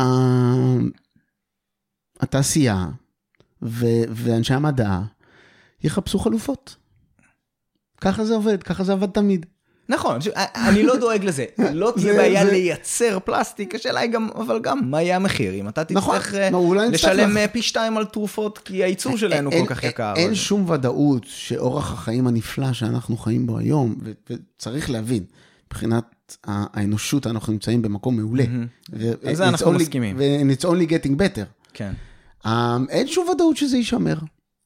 כן. זה נכון, אבל לאף אחד אין ודאות שזה יישמר. זאת אומרת, גם, נכון, בסופו של דבר כדור הארץ הוא סופי, ומתישהו המשאבים עליו ייקלו. נכון? אה, כן, תראה, בסופו של דבר, שוב, אנחנו שנינו, אני עם רקע בכימיה, אתה ככימאי, כן. אה, יכולים להסכים על זה שאתה יודע, אמ, יסודות לא הולכים לאיבוד. נכון. הם לא הולכים לשום מקום. כן, לא בעיקרון אם אתה תמצא ובהינתן מספיק אנרגיה, הרי מה זה כל תהליכים הכימיים? שאתה מייצר תגובה כימית, אתה מזיז את הדברים ומשקיע כאילו, אנרגיה, נכון. בדיוק, אתה משקיע אנרגיה, אתה מזיז את זה בניגוד לכיוון הטבעי שאליו אה, זה רוצה ללכת, לפחות נכון. כפוש התחלתי, כדי לייצר איזושהי תגובה. אז בעיקרון הכל אפשרי, כן? גם להפיק אה, יהלום מפחם זה אפשרי. ואז, אז, אגב, אני מתכוון כן. לזה מילולית, למי שלא יודע, 아, אה, כן? זה עשוי, מאוד, זה עשוי מאותו חומר, כן. וגם כן, כבר יש תקדימים. כן. והדבר השני, שאני מרגיש ש, שנגיד לא, לא התייחסת אליו, אני לא יודע אם אתה מודע אליו, ואני גם לא יודע כמה הוא נמצא במחלוקת, זה העניין נגיד של החמצת האוקיינוסים. אז אתה גולש, כן. אני צולל. כן. שנינו הים והאוקיינוס מאוד חשובים לנו. כן. אז לצורך העניין נגיד ואין התחממות, אבל כן. הפליטה, התחזיות של פליטת גזי החממה, mm-hmm. כן ימשיכו להתקדם בכיוון שאומרים. Mm-hmm. זה לא ישפיע נגיד על ההתחממות, אבל זה כן ישפיע על החמצת האוקיינוסים. יכול להיות. וזה יכול להיות פגיעה במגוון הביולוגי, בשוניות, ב... זה בפני עצמו יכול להוציא הרבה מאוד דברים מאיזון. נכון מאוד. אז זה לא משהו ששווה גם אה, לצורך העניין אז, להילחם עליו. אז אני לא מבין גדול באסידיפיקציה של האוקיינוסים. אמ, גם שם יש דעות לכאן ולכאן, ואם תרצה אני אשלח לך לינקים. אבל אמ, ויכול להיות שזאת בעיה. Mm-hmm. אבל צריך לשים את האצבע על מה הבעיה. האם הבעיה שלך היא שהאלמוגים יהיו פחות צבעוניים? האם הבעיה שלך שלא יהיה יותר אה, אה, פירות, כלומר שלא יהיה יותר אוכל מהים? האם הבעיה שלך היא שהמגוון הביולוגי ישתנה, שזה איזו אמירה ארטילאית כזאת? ש... לא, ש... אני חושב שניתן ש... להגדיר את זה בצורה... לא, אבל, אבל, אבל, אבל זה הכל עניין של ניהול סיכונים. Mm-hmm. ועכשיו כשאתה שואל את זה, אתה אומר, אוקיי, בואו קודם כל נשים את האצבע על מה הבעיה. הבעיה היא לא הסידיפיקציה של האוקיינוס, אף אחד לא אכפת לו כמה CO2 מומס במים, mm-hmm. נכון? זאת לא הבעיה. ההשפעה של זה. יפה, אז, אז, אז קודם כל פין פוינט את ההשפעה של זה. כן. ויגידו, האלמוגים אה, מתים. אין לזה הוכחות, mm-hmm. יש לזה השערות. השערה שיכולה להיות נכונה או לא. עושים ניסויים, ניסויים מראים ככה, חלק ככה. אה, אמ, ועכשיו השאלה השנייה, האם זאת באמת בעיה, או שזה רק בעיה אסתטית. לא, תראה, אסתטי זה בטוח לא, כן? לא, לא, לא, לא, לא, לא, לא. מולבן זה לא, זה לא, הוא לא סתם לבן, כן? זה משפיע על כל מיני דברים. 아, נכון. והחשש שלך, 아, החשש שלך הוא, הוא, הוא ה-unknowns, הדברים שאתה לא יודע. אתה נכון, אומר, אני נכון, מוציא פה נכון. מערכת. עשירה וענקית מאיזון. נכון. זה יכול ללכת לכל מיני כיוונים. אני, אני מסכים, ועכשיו אתה צריך לשאול את עצמך, איך לפתור את הבעיה הזאת? כן. אתה, זאת אומרת, צריך להיות מאוד מאוד מדויקים. Mm-hmm. כי הבעיות האלה הן באמת בעיות מתחום המדע וההנדסה. כן. אתה צריך להגדיר את הבעיה, אתה יודע, הבעיה היא אסידיפיקציה של האוקיינוס. אוקיי, למה? כי הריכוז פחמן דו-חמצני עולה. עכשיו תשאל את עצמך, אוקיי, בוא נגיד שאני מקבל את זה ויש לי הוכחות ברורות לזה שהאוקיינוסים אה, מתחמצים קצת, אה, מה עושים? כן, והרעיון של להגיד, אוקיי, אוקיי. ומה המחיר של זה? או, ובעיניי זה, שם הדברים האלה תמיד נופלים, כי כן. אני אומר, I'm humoring you, גם אם יש התחממות גלובלית ידי אדם, וגם אם האוקיינוסים מתחמצים כתוצאה מהפעילות שלנו, וכו' וכו' וכו' וכו', אז בוא תגיד לי מה עושים. והתשובה של, אוקיי, אז בואו נפסיק להפיק אנרגיה, היא תשובה לא רלוונטית. זה פשוט לא הולך לקרות. ההפך. מה שהולך לקרות זה שנפיק עוד ועוד ועוד אנרגיה. ומעבר לזה, אתה גם אומר שזה טוב ושאנחנו צריכים להפיק יותר במדינות העניות כדי להוציא אותה מהעוני. בגלל זה זה יקרה. אז מהבחינה הזאת, בתקווה זה יקרה. אה, אה, אה, אין שום דרך שזה לא יקרה, כי הטבע האנושי הוא לנסות לשפר את מצבו. Mm-hmm. ויש רק דרך אחת לשפר את מצבם של האנשים העניים, וזה לתת להם עוד חשמל. כן. זה, זה פשוט קורה. Mm-hmm. Okay. אוקיי. אז, אז זה להיות באמת, לשים יד מעל העיניים, להגיד, אוקיי, אז בואו נוריד את זה. אז בסדר, אתה... אתה... אז אני, אני רוצה טיפה גם באמת, אני בעצמי טיפה אה, לקחת, אה, להתנגד למה שאני אמרתי במידה מסוימת, וזה משהו שאתה העלית אתמול בדיבייט, אתה הראת את התמונות של הפלסטיקים. כן. פלסטיקים באוקיינוס. זה לא בעיה משוערת, זו בעיה מוכרת, זה, רציתי מוכחת. להגיד, אני שוחה, ב, ב, אני, כן. אני גולש בנמל באשדוד. כן. יש ימים שזה גועל. כן. כן, וה, והדברים שאנחנו אפילו לא רואים, המיקרו-פלסטיקים, נכון. דברים בסגנון הזה, אלה כבר דברים שהנזק שלהם, עד כמה שאני יודע, הוכח מעל כל צל של ספק. ואתה מבחינתך, זה אני רוצה פשוט uh, להגיד פה כ- כ- כדי טיפה, uh, לא יודע, אולי אה, להגיד איפה אתה כן מראה את הצד האקולוגי שלך, אתה אומר, וואלה, תאמינו לי, חבל על הכסף שאתם מבזבזים על כל הפאנלים הסולאריים. אולי תשקיעו כסף בלנקות את האוקיינוסים מדברים שאנחנו יודעים שגורמים נזק, כן. ואנחנו יודעים שאפשר לפתור אותם, ו- ו- ובכל הדברים האלה. ו- זה, זה בדיוק מה שאני אומר. כן. כי אה, אה, הפחד מבעיות עתידיות, כשדור, כשאתה דורש לשלם עכשיו בשביל לפתור בעיות עתידיות, mm-hmm. אתה לוקח כסף מאיפשהו. כן. ואני אומר, אתה רוצה לשים כסף על הסביבה? מצוין. שים כסף על הבעיות שיש עכשיו, כן. שאנחנו יכולים לפתור אותן בעזרת הטכנולוגיות של עכשיו, או לחפש טכנולוגיות mm-hmm. לכיוון הפתרון הזה. עכשיו, גם פה, אני אה, הרבה פעמים הולך נגד הזרם. אני אתן לך דוגמה. יש באוקיינוס, באוקיינוס השקט, יש אי זבל. יש אי של פלסטיק, הוא לא יודע, חמישה קילומטר, חמישה קילומטר, זה דבר גדול מאוד, שיש שם אי של פלסטיק. אה, ואומרים לי, זה לא מפריע לך, גועל נפש. אז ת, תן לי לאתגר אותך פה, אני לא, לא, לא, זה לא בטוח שאני צודק, אבל כאן תן לי לאתגר אותך. אולי זה רעיון טוב. הרי באוקיינוס לא גר אף אחד. כן. אוקיי? אם אתה תצליח להכיל את ההשפעה של פלסטיק, לא מיקרו-פלסטיק, אלא פלסטיק, אה, חתיכות פלסטיק גדולות, שאנחנו יודעים שהן לא מתכלות. Mm-hmm. תמעך אותם טוב, ושים אותם על אי באוקיינוס השקט, שזה לא מפריע לאף אחד. אולי קצת לדגים מסביב, אבל לא סיפור. כן. אולי זה פתרון טוב. אז זה, אתה יודע, זה מאוד מעניין, כן, מאוד מעניין, מאוד מעניין שאתה אומר את זה. כי אתה אומר... אתה צריך לצאת כן. מהקופסאות. כן, כן, כן, כן. אז אני, אני טיפה אעלה פה איזשהו נושא, ואני מקווה שאני אדייק פה, ואני לא יודע אם אתה שמעת על זה.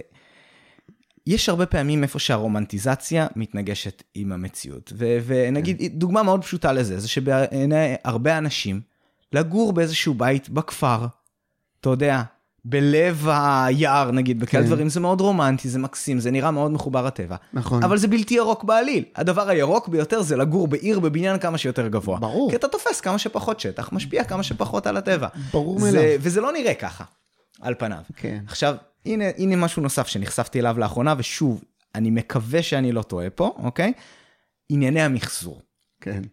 מחזור זה דבר מאוד רומנטי, לא תמיד יעיל. ואז, נגיד, אוקיי, משהו מזעזע ששמעתי, הרבה מאוד מהמחזור של ארה"ב, הם ייצאו אותו לסין. למה הם ייצאו אותו לסין? כי זה זול. כי זה זול, מעבר לזה, הסינים הסכימו לשלם על זה. הסינים באו לארצות הברית, בהינתן כן. שהם הפרידו את הפלסטיק, לקחו מהם את הפלסטיק, שילמו להם קצת על זה, החזירו את זה חזרה, למה? כי היה להם כוח אדם מאוד זול, נכון. שיכל לעשות את כל הבעיות שלה, למיין ולנקות ול... ו... וכל הדברים האלה, והחומר גלם שהם ייצרו מזה ישתלם להם, יצא להם יותר כסף כן. ממה שהם משקיעים. אז יש פרק מדהים בפלנט מאני. זהו, בדיוק על זה אז, אני מדבר. על, כן, על, אז אני אשים לינק לפלנט מאני, והם בעצמם גם סייגו, כי הם אומרים שהדבר הזה הם עוד לא, אין להם ראיות ממש מוצקות, אבל הם מדברים על זה שמהרגע, שסין, פחות אכפת להם מהסביבה. ואם יש להם גוש גדול של פלסטיק, שהרי הם עשו מיון, חלק אפשר למחזר, חלק לא. כן. החלק שאי אפשר למחזר. לפח. זורקים. לאיפה זורקים? לים. כנראה בתצורה כלשהי למקום כן. שיכול להגיע לים, נקרא כן. לזה ככה, אוקיי. נגיד והם לא עשו את זה בכוונה. כן. נניח לא. שהם לא עשו את זה בכוונה. עכשיו, אז אנשים נגיד ישאלו, מה האלטרנטיבה? וזה גם דיברו עליו בפלנט מאני. האלטרנטיבה היא גרועה, אבל גרועה פחות, וזה נקרא מטמנות. נכון. עכשיו, מטמנות, זה, מה, זה אחד הדברים הכי פחות רומנטיים שיש. נכון, זה פשוט, אתה זבל. מקריב מקום. נכון. שיכול לשמש לאלף ואחד דברים, ושם בו זבל. נכון. עכשיו, היתרונות שלו הם שזה contained. אתה יכול לייצר מצב שבו בדיוק. זה נשאר שם, לא זז, לא מפריע לחיות, לא מגיע לאוקיינוס, זה פשוט בדיוק. שם, זה ממשיך להגר, ווואלה, אולי עוד אלף שנה מישהו ימצא פתרון, ויוכל כן. או אז, לבוא אז, ו... אז, כן, אז, או אני, לבוא אז ו... אני לוקח את זה כן. צעד יותר פחות רומנטי, כן. ובוא נחשוב על מטמנות ב... ב... באוקיינוס. כן. בגלל שהאוקיינוס... אני לא חושב שחסר מקום גם ביבשה כרגע, נכון, כן? נכון, אבל אני אומר... זה... גם זה, אתה תראה אגב את הפארק, ב... נדמה לי שזה בהוד השרון שיש, כן. שזה הוקם על ערימות זבל, מקום מקסים. אז וואלה, אם אתה עושה מטמנה, כן, ועוד 100 שנה, ועוד 100 שנה אתה תוכל להפוך את זה לפארק. נכון. או שכונה, אגב, הרבה מאיתנו גרים על, אם נחפור עמוק אנחנו נמצא שאנשים גרו שם לפני זה. כן. אה, ו... לא אסון. אז, אז, אז, אז אפשר, הרי כשאתה גר איפשהו, זה באותה מידה כאילו עשית שם ערימה של זבל. אנחנו והמגורים שלנו מבחינת הטבע זה ערימה ענקית של זבל. בטון והייצור שלו והכל זה מזהם וזה נכון. ערימה ענקית של זבל. נכון. ההבדל בין זה לבין לעשות מטמנה הוא לא באמת כזה גדול, זה הבדל שהוא, הוא, שהוא הוא, סמנטי. הוא, הוא, הוא הבדל, בדיוק, הוא הבדל תפיסתי. כן. נכון? אז, נכון. אז זה מצחיק, הרבה פעמים אתה בא ואתה רוצה למחזר ואתה רוצה לעשות טוב, ואז אתה מגלה שאתה נתת את זה לסינים למחזר, כי רק להם זה ישתלם. וכל הפלסטיק שהשקעת, הרבה ממנו הגיע לאוקיינוס, והכל מכוונות טובות. כן. אז, אז צריך לשים לב, וכאן העניין הזה של הכדאיות הכלכלית הוא באמת מפתח. הרי כל זה נבע, כי לא היה כדאי כלכלית למחזר בארצות הברית. נכון. אז הם ניקו את המצפון שלהם, נתנו את זה לסין, ו- אגב, וזהו, אבל אותו דבר קרה עם הפאנלים הסולאריים. 100% מהפאנלים הסולאריים היום, give or take, אה, מיוצר בסין. Mm. איך זה נהיה כל כך זול? Mm. נהיה כל כך זול, כי הממשלה הסינית... זאת אומרת, אנחנו מעלימים עין מה... הממשלה הסינית קובעת את המחיר. המפעלים הסינים, יש להם פחות רגולציה וכוח אדם שם זול, ולכן כל הפאנלים הסולאריים הלכו לסין. 100% מהפאנלים הסולאריים.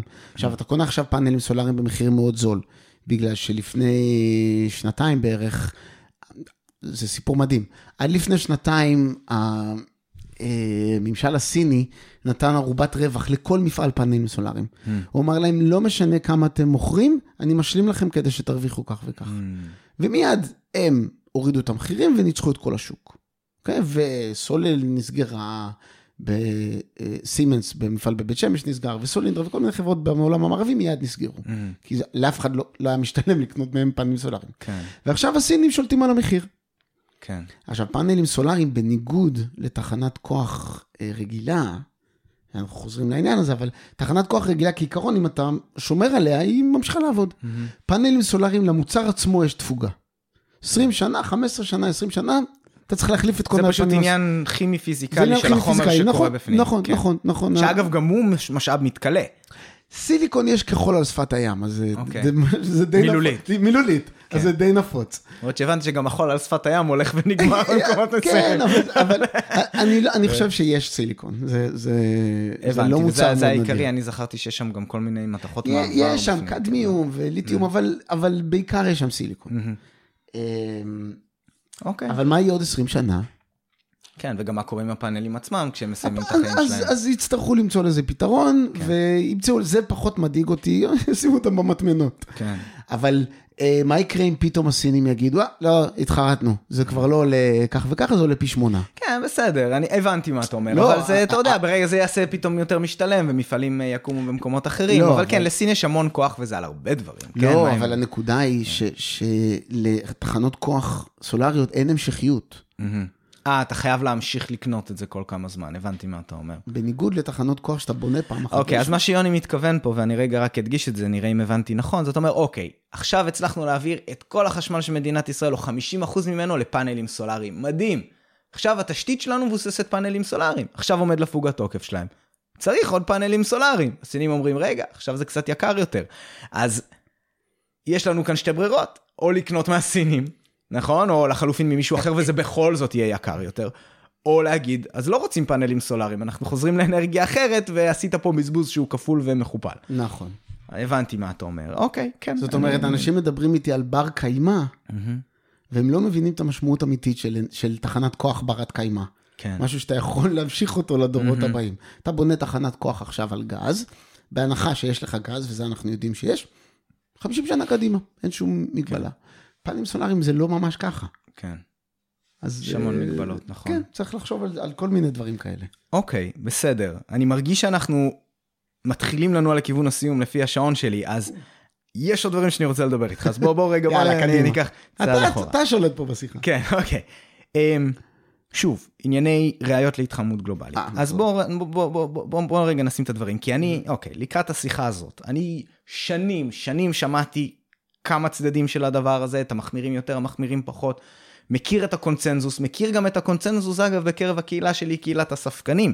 שאני שומע אותם מדברים על זה, ואני שומע על כל מיני אנשים מאוד חכמים, גם דמויות um, טלוויזיוניות, ביל נאי וניל דה גרס טייסון, אלה אנשים חכמים, כמובן שגם הם מוטים, אה, יש להם את ההטיות שלהם, כן? אוקיי? ביל נאי נגיד היה נגד, אה, אה, נגד הנדסה גנטית במזון עד לפני כמה שנים, עד שהוא למד את הנושא ושינה את דעתו. אז הדברים האלה גם קורים, זה בעיניי ראוי להערכה, כן?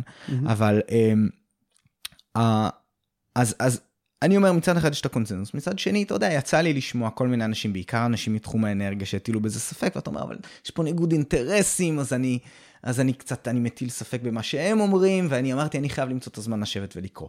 מצאתי קצת את הזמן לשבת ולקרוא לקראת השיחה הזאת, אמרתי, אני חייב טיפ-טיפה תחמושת.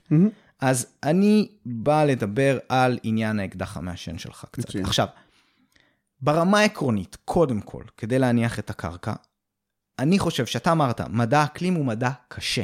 זה לא כמו שדיברנו על החיסונים, שאתה יכול ללכת, לאסוף מדגם, לבדוק את זה כמו שצריך, את הבטיחות של זה, את היעילות של זה, כל מיני כאלה. אתה צריך להסתכל לאורך זמן, לראות אם אתה מצליח לחזות. אה, ו, וזה מאוד מאוד קשה. יכול להיות שסף הראיות שלך הוא לא מציאותי. זה קודם כל. יכול להיות שסף הראיות שלך, שהראיות באקלים הן שונות מהראיות בכימיה, ברפואה, בכל מיני כאלה.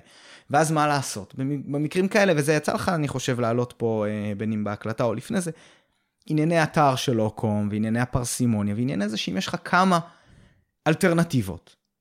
אה, כן. אז מה שמסביר את זה בצורה הטובה ביותר, עם כמה שפחות הנחות וכל מיני כאלה, לרוב זה, המוד, זה יהיה המודל המועדף עליך. אוקיי. אוקיי? ואז אני אומר, אה, אז אוקיי, סבבה, סיכמנו שכדור הארץ מתחמם. מהמם. סיכמנו שפליטת פחמן דו-חמצני היא הגבוהה שהייתה בהיסטוריה ובהרבה, לא יודע לגבי הפרה-היסטוריה, לגבי ההיסטוריה. בהיסטוריה, כן, סביר, אוקיי? כן, בוודאי. ו- וזה המדידות של זה נכונות. סיכמנו את זה שפחמן דו-חמצני הוא גז חממה, כן. אוקיי? מבחינתי, קודם כל, כבר שלושת הדברים האלה יחד, הם קייס לא רע בכלל לפני שבנית מודל.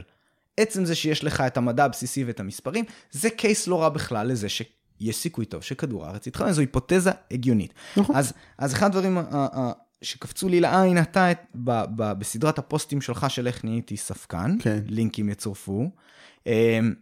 אחד הדברים הראשונים שאתה ציינת שם זה שמתאם לא שווה ערך לסיבתיות. נכון. עכשיו, על פניו, זה ממש נכון. הכוונה של יוני בנושא הזה זה שהיא מצאה את הקורלציה בין שני דברים.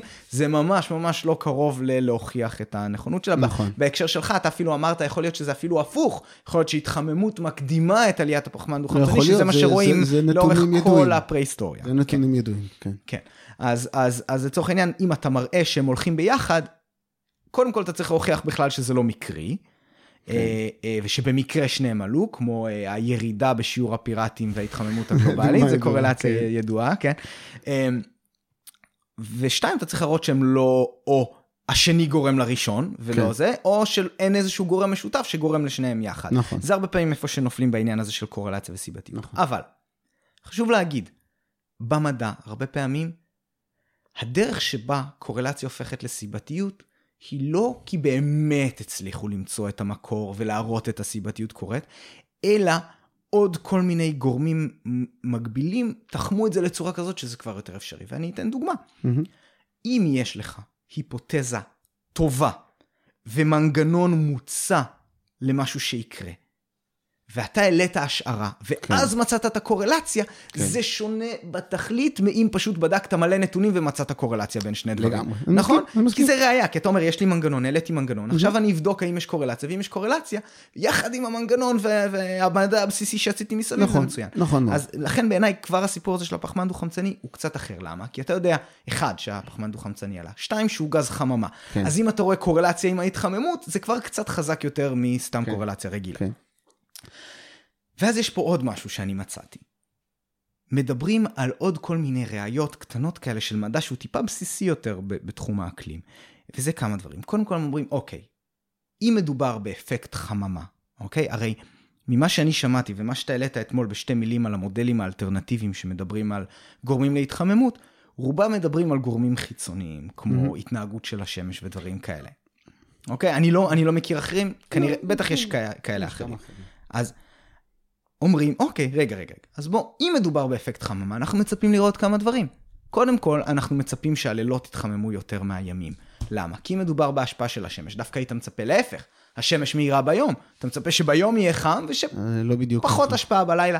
זה בצורה קצת שטחית. כן. ומדברים על זה שכן, באמת, עיקר ההשפעה שרואים היא השפעה בלילות. הלילות מתחממים יותר מהימים, שזה אומר שחום נשאר פה, לא שיותר חום מגיע. עוד דברים שמדברים עליהם, אני, אני רגע אסיים כי יש לי שלושה טיעונים כאלה. Mm-hmm. זה um, שהשכבות של האטמוספירה התחממו בצורה לא שוויונית.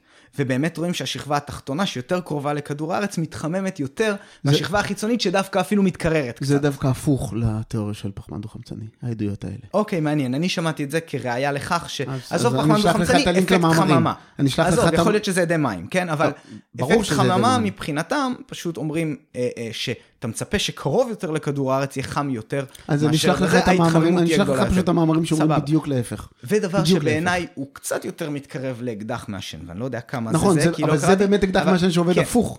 אז תכף אתה תסביר על זה, אבל כן. משהו שכן קנה אותי, יצא לנו לעלות פה בפרק, ובאמת, אני לא יודע כמה אנשים בקיאים בנושא הזה, ענייני אה, אה, גל של ה-IR, ובעצם הספקטרום הזה שקולטים של התחממות. בעצם חום אני לא יודע אם בלעדית, אבל הוא בעיקר נפלט באורך גל של... בעיה, כן. של... של קרינת גוף שחור. כן, של קרינת גוף שחור, ובעצם זה גם הוא עלה אתמול קצת בקצרה בדיבייט, לא יודע אם בדיוק ב-100%. השמש מקרינה עלינו אור. כן. אוקיי? והאור הזה מתפרק לחום כשהוא פוגע באיזשהו, מה שנקרא גוף שחור, זה איזשהו. תחום טכני מתחום הכימיה והפיזיקה. ובעצם שם זה מומר לחום, אז בעצם הש... האור של השמש לא חוזר באותו אורך גל שהוא פגע בכדור הארץ, אלא הוא מומר לאורכים אחרים ונפלט החוצה, אה, אה, ואז בעצם אומרים שהפחמן דו-חמצני הוא קולט את האורכי גל האלה שמוחזרים מכדור הארץ, אבל לא כשהם מגיעים ישירות מהשמש, לפחות כן. ברובם. ולכן נוצר האפקט הזה. אז אני כן. קראתי גם, שאוקיי, אז דיברנו, השמש מקרינה על כדור הארץ. כדור הארץ משנה את האור, כאילו את החתימה הזו של השמש, כן. מחזיר את זה חזרה, חלק נכון. יוצא החוצה, חלק נתפס פה, mm-hmm. ואומרים שהפחמן דו-חמצני תופס חלק מזה. כן. אני קראתי בדבר. שהפחמן דו-חמצני עצמו, הרי איך זה חוזר אלינו כחום.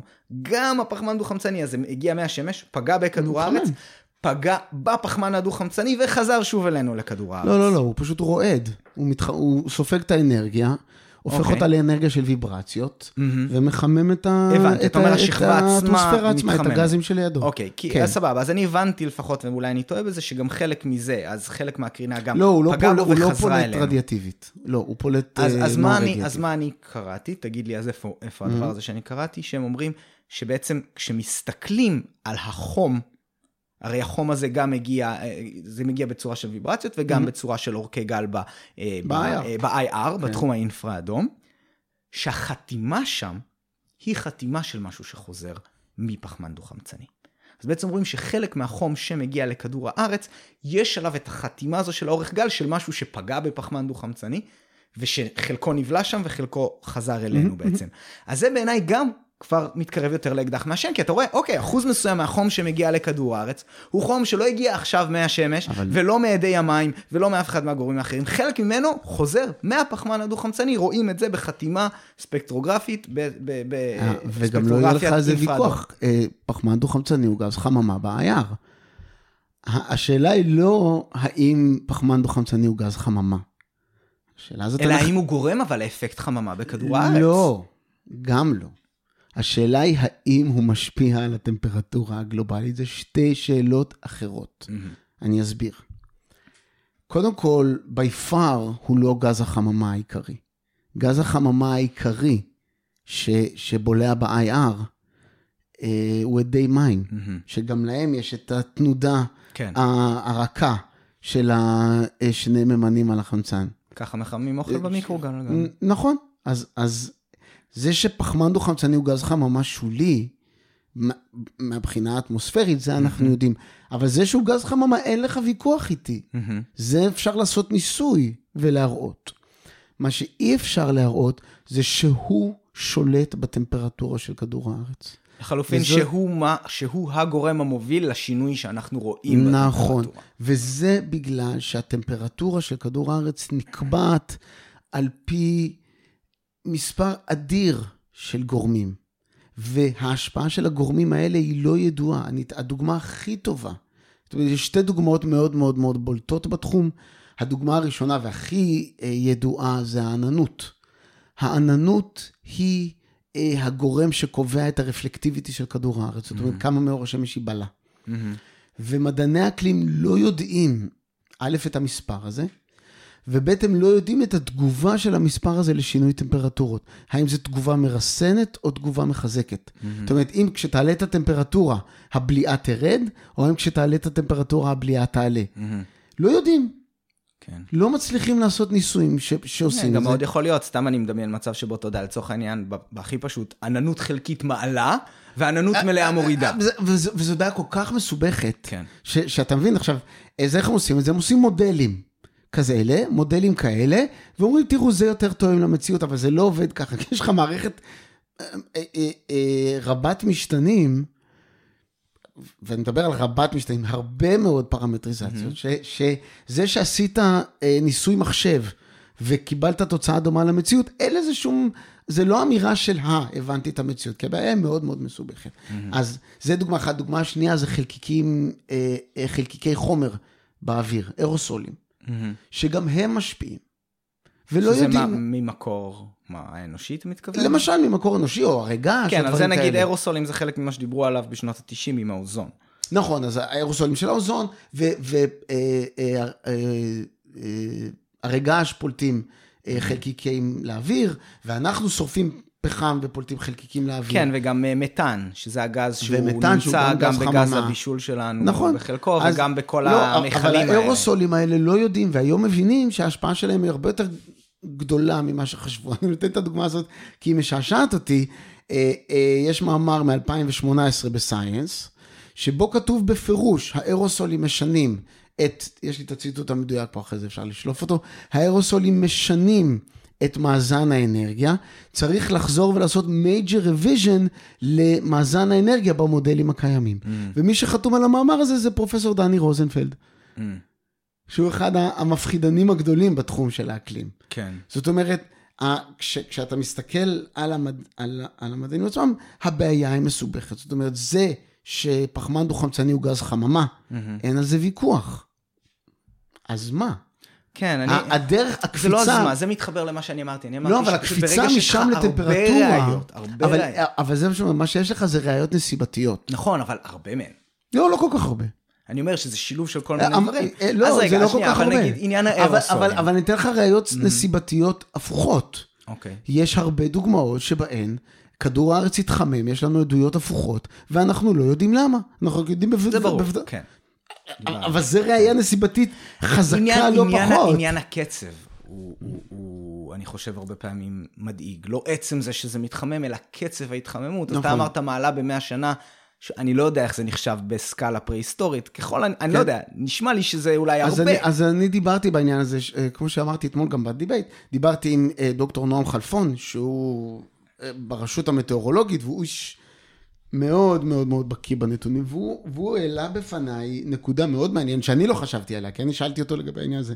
והוא אמר, כשאתה מודד טמפרטורות עם פרוקסי, עם, עם סמנים, הרי אין לנו דרך למדוד טמפרטורות עבר. כן. ב- לפני אלף שנה. מה שאנחנו יכולים לעשות זה לקחת איזשהי מופע טבעי, למשל אה, ריכוז אה, בועיות ב- בליבות קרח, כן. או, בעצם או הולכים טבעות למקום עצים. ארקטי שקפוא לאורך אה, מלא מלא זמן, ופשוט כן. מסתכלים על שכבות קרח עתיקות, יודעים להגיד מלפני כמה זמן הם, לפי אה, דברים מסוימים, ויודעים מתוך זה לדלות מידע אחר. אז כן. נכון, בעצם אז- יש שם proxy אחד לכמה זמן הדבר הזה נמצא שם, proxy אחר לנגיד מה היה מצב הפחמן הדו-חמצני באוויר, או, וכמה או מה כמה היה הטמפרטורה. נכון, כל מיני דברים. אבל יש הרבה כאלה.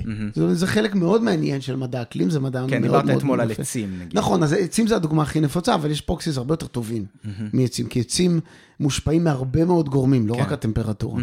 אבל אה, אה, יש proxies הרבה יותר אה, טובים, למשל גודל של בועיות בשכבות סלע וכל מיני דברים כאלה, whatever. אה, אה, הנקודה היא שב proxies אין לנו רזולוציה. זאת אומרת, אין לנו דרך לדעת אם השינוי נעשה בטווח של מהר. 100 שנה או 10,000 נכון, שנה. נכון. וגם פה זה מעניין, כי מדידות הטמפרטורה הלכו והשתפרו. אני, ואני אתן לך דוגמה שאותה קיבלתי מדוקטור חלפון, שהוא אמר לי, תשמע, לפני 15 שנה, כל מדינת ישראל עברה למדידות דיגיטליות. מדידות דיגיטליות, הרזולוציה שלהן היא שנייה, אוקיי?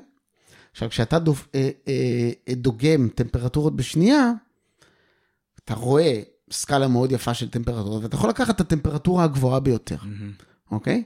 מה עשו לפני זה? היה מדי חום, ופעם בשעה מישהו בא ולקח. אז הטמפרטורה המקסימלית של היום, היא ברזולוציה של היא שעה. ברזולוציה של שעה, כן. אוקיי? וואו. אז ברור שאתה תראה התחממות. אתה כי- דוגם יותר, יש לך יותר סיכוי ל- אז הוא למצוא פיקים. הציע, כן. אז הוא הציע, בוא נעשה ממוצע של שעה סביב גם המקסימה. הממוצע זה לא מספיק טוב בהקשר לא, הזה. לדעתי. נכון, אבל עדיין הוא אמר- הסיכוי שלך למצוא פיק. לפחות כן. בוא נעשה ממוצע של שעה סביב הפיק. אמרו לו, מה פתאום, שנרד ברזולוציה? ואז פרסמו את הדוחות ורואים התחממות. כן, לקחת קצוות מקס זה אה, בעיה. אה, כמ- כמדע נתונים אני יכול לראות את הבעייתיות של אתה. מבין? עכשיו, אה, אה, בוא תסביר לי איך אין צי של מדעני נתונים ב- ב- בעולם האקלים. כן, אני לוקח את האשמה על עצמי. לא, אה, אה, אני מרים לכם את הכפפה. כן. כי אה, זה בעיה סטטיסטית, כמו שאומרים, בעיה כן. סטטיסטית עם כמות אדירה של דאטה. יאללה, לכו על זה. אבל הנה, הנה. בעיה שאני ואתה הבהרתי לך בעייתיות של מדידה תוך שנייה. כן. וזה קיים בכל מקום, זה לא, זה לא אנחנו המצאנו את הטריק הזה. עכשיו, פה אני פשוט מכיר מעדות אישית, ואמרו לו, מה פתאום? לא, כן. אז השתגעת שנוריד את הרזולוציה בכוונה עד שהצלחנו לעשות את זה? תראה, אז זהו, זה- אני חושב שהשאלה פה היא לאיזה אז צורך. אני חוזר לעניין של הקצב, כדי אין להשוות לנו דרך לעבר. לדעת, אין כן. לנו דרך, אין לנו דרך באמת לדעת, זה דבר אחד. דבר שני, אין לנו דרך לדעת אם זה רע. כן. כן. זאת אומרת. יכול להיות ש, שיש מינים שהשינוי הזה יהיה עבורם אקוטי והם ייכחדו. וזה עצוב לי, כי... אה, כן, כן, אוקיי. יכול להיות. מה יקרה מזה, זה עניין באמת של, של למה. כן. אוקיי? הרי זה אחרת אם בן אדם מת בשיבה טובה או שאני רצחתי אותו, נכון? התוצאה כן. היא אותה תוצאה. אז, אז אם האנושות גורמת לזה, זה מן הסתם אחריות שלנו. אם אנחנו באמת מגלים שזה כן כחלק מאיזשהו סייקל טבעי, אז אתה יודע, נשב אחורה ונאכל פופקורן ונראה מה קורה, כן? אין מה לעשות. כמו שצלם טבע יכול לראות אה, אה, גור אריה שאיבד את אימא שלו והוא עכשיו כן. ימות ברעב, הוא לא יבוא וייקח אותו ויחזיר אותו לאימא נכון, שלו, נכון. כי לא מתערבים. אה, לא, אבל אה, אני רוצה לאתגר אותך עוד יותר, אוקיי? אני, אני רוצה לאתגר אותך, אני, שוב, בכיף? כן. שזה אני פה. מה אכפת לך אם הקרנף אה, אה, הפורך הזה ייעלם מהעולם? אה, זה כבר עניין סנטימנטלי. יפה, זה עניין, זה... תראה, זה עניין סנטימנטלי וגם... אתה מבין מה אני אומר? תראה, זה, זה, אוקיי. זה, יש כאן המון מורכבות. האיבוד של מינים, בעיקר מהמינים הגדולים, הוא מאוד מדאיג, כי נשארנו עם מעט מאוד מינים גדולים. מדאיג אותך למה? מדאיג אותי הפגיעה במגוון הביולוגי ובאיזון של הטבע. אלה דברים שאתה לא יודע מה ההשלכות שלהם. בגדול, בני אדם כן. אה, אה, הסיטו את התלות שלהם מהמגוון האקולוגי די מזמן. כן. אי שם במסופוטמיה, כשהם התחילו לשתול חיטה. זה, כן, זה, הם, עוד הם לפני זה, אתה יודע, אומרים שהרבה מהמינים הגדולים נכחדו בהשראת באמת בגלל, בני אדם שצדו אותם. בגלל זה אני אומר, עכשיו, אני, אני כמובן אענה לך על התשובה, mm-hmm. ויש תשובה והיא טובה, אבל להגיד, המגוון הביולוגי מאיים על הקיום האנושי, זה לא תשובה טובה, כי זה כנראה לא נכון. לא רק הקיום האנושי, זה גם אכפת לך, כי אכפת לך, כן? או, יפה מאוד. בני אדם, ו, ו, ושוב, אני, לא, אני, אני, אני נותן דבל זה אדבוקט ואני עונה. בני אדם הם היצור היחיד בטבע mm-hmm. שיש עבורו ערך לאסתטיות. Mm-hmm. אנחנו מסתכלים על הטבע והוא יפה. ואנחנו מרגישים רע כשמשהו יפה נפגם. אם הוא באשמתנו בעיקר. גם. אם הוא לא באשמתנו. כן. גם, ו, ורוב הזמן זה לא באשמתנו, אבל בעיקר כמובן שזה באשמתנו, אבל, אבל זה, זה שם. עכשיו, אני לא מזלזל ב, ב, בחשיבות של זה, mm-hmm. ו, ו, וזה, וזה אמיתי, mm-hmm. אבל להגיד, אבל שם זה נמצא. זאת אומרת, אכפת לנו מהקרנף אה, לבן החזה, או איך שקוראים לו, כי הוא יפה. וזה עצוב לנו שמשהו יפה נעלם. קרנף לבן צפוני, נכון, בדיוק. אה, אה, אה, זה עצוב לנו שהוא נעלם מהעולם. כי הטבע יצר משהו כל כך יפה וכל כך רב הוד, כן. והצלחנו להרוס אותו. כן. וזה באמת דבר לא טוב. זה נכון, אבל בין זה לבין סכנה לקיום האנושי יש מרחק גדול. נכון. וחשוב לשים את האצבע על המרחק הזה, כי, כי כמו שאמרתי קודם, כשאתה מדייק נכון, את הבעיה, אה... אתה מדייק גם את הפתרון. אני חושב שמסתתר פה איזשהו טיעון קצת של סליפרי סלופ, שבעצם אתה, אתה רוצה להגיע למצב שהחשיבות של הדברים האלה היא יחסית גבוהה במידה מסוימת. כמובן שניתן לסדר את סדר העדיפויות, לעומת, אתה יודע, כמובן שגם מבחינתי לדאוג לבני אדם, זה קודם כל עד רמה מסוימת. אה, אבל, אבל, אבל אני אומר, אבל אתה רוצה להגיע למצב שיש חשיבות לדברים האלה בגלל ש... אם לא תהיה חשיבות, אם אנחנו נבטל את החשיבות, אז הדרך למטה היא מאוד מאוד מהירה. זה יכול להיות, זה, זה יכול להיות, אבל, אבל אין לזה עדות אמפירית. זו אמירה שהיא יכול להיות שהיא נכונה, ויכול להיות שהיא לא נכונה. אבל אין עדות אמפירית ל slippery slope. אה, אני חושב שלא יודע, overfishing, דברים בסגנון הזה. אה, אה, אתה רואה את זה נכון. חוזר אחר כך לבני אדם. נכון, אבל עדיין ייצור המזון שלנו כן. הלך והשתפר במאה האחרונה. נכון, אבל אני חושב שבעניין הזה, נגיד, של הדגה, באמת, כן ייתכן מצב, וקרו דברים, מתישהו בן אדם אכל את הממותה האחרונה שאי פעם בן אדם אכל, כן. והוא ביטל את עניין התזונה מממוטות לכל בני האדם אי פעם בעתיד. אני מסכים. אוקיי, בענייני בפלוס ודברים כאלה. אני מסכים, ולכן... אז לשמור על זה במידה מסוימת של איזון, זה כן עוזר לנו גם לטווח הארוך. ולכן אני מקפיד, בואו נדייק את הבעיה. הבעיה של, אה, ירידה בשטחי הדגה וביילד של הדגה, היא בעיה אמיתית. כן. צריך להבין ממה היא קורית. וצריך להבין איך פותרים אותה, ואם צריך לנהל את משק הדגה בצורה יותר טובה, אז צריך לעשות את זה, אבל צריך להבין, וכאן יש עוד עניין מאוד מעניין, זאת לא בעיה גלובלית, זאת בעיה לוקאלית. יש מקומות שאין בעיה של דגה, mm-hmm. ויש מקומות שיש בעיה חריפה של דגה, mm-hmm. והמקומות האלה צריכים לנהל את המשאבים שלהם. כן. הרעיון שיהיה רשות אחת גלובלית שתנהל בעיות שהן בעיות לוקאליות, אה, זה רעיון שהוא לא טוב. אני חושב שזה בסדר לסכם הסכמים בינלאומיים, נכון, כדי שבעצם יהיה הוגנות בסחר והוגנות בכל מיני כאלה דברים. כן, זה מצוין. מדינה אחת תצוד לוויתנים ומדינה אחת לא, ואז המדינה הזו זוכה גם בדברים שמגיעים, אה, אתה יודע, לייצר דברים מלוויתנים, וזה כן, לא הוגן, אבל, אז אבל, אבל... פשוט זה מוריד את האינטרסים. ברגע נכון, נכון, שהסכימו אבל- יחד, אתה לא מרגיש שאתה מאבד משהו ואתה לא אני, משתתף אני בתחרות. מסכים, אבל זה הערך היחיד של זה, ערך סנטימנטלי, אם תרצה לקרוא לזה. כי אה, הבעיות... אפשר להגיד את זה על הרבה דברים, כן? נכון, גם נכון, מה- מה- מה זה אבל- לעזור לבני אדם? רגע, זה השני- גם ערך סנטימנטלי. אה, נכון, ברור. מוסרי, נכון, כן? אבל- מוסרי. אבל אבל בסופו של דבר, אם לא אכפת לך גם מבני אדם, אז לא כן, אכפת לך אני מכלום. חוזר רגע לנקודה שאמרת. אני חושב שהשיקולים הסביבתיים הם כבר מזמן, השיקולים עצמם, הם כבר מזמן חלק מהשיח. עוד מימי גרינפיס. Mm-hmm, וזה, האם, שוב, אני, אני, יש לי הרבה ביקורת על גרינפיס המודרנית, Mm-hmm. אבל אם יש משהו שגרינפיס עשו, שיש לו חשיבות אדירה למין האנושי, כן. זה שהם אמרו למין האנושי, תראו, אנחנו מספיק עשירים, עכשיו בואו נכניס את השיקול הסביבתי כשווה ערך לשיקול הכלכלי או לשיקול של הרווחה והדברים האלה. וזה כבר סטנדרט. כן. אתה לא יכול לשמוע דיון על שום דבר בלי שמישהו ישאל, רגע, רגע, מה זה עושה לסביבה? וזה מעולה, נכון. זה דבר טוב, אבל זה כבר קרה, כן. זה כבר שם. אה, תראה, תמיד אפשר לדבר על ה... אתה יודע, אם יש לך כזה של... מתג כזה של ווליום, אם אפשר להגביר את זה קצת או נכון, להנמיך את זה נכון. קצת, זה דיון שהוא לגיטימי, ופה נכון, באמת אני רוצה להעלות.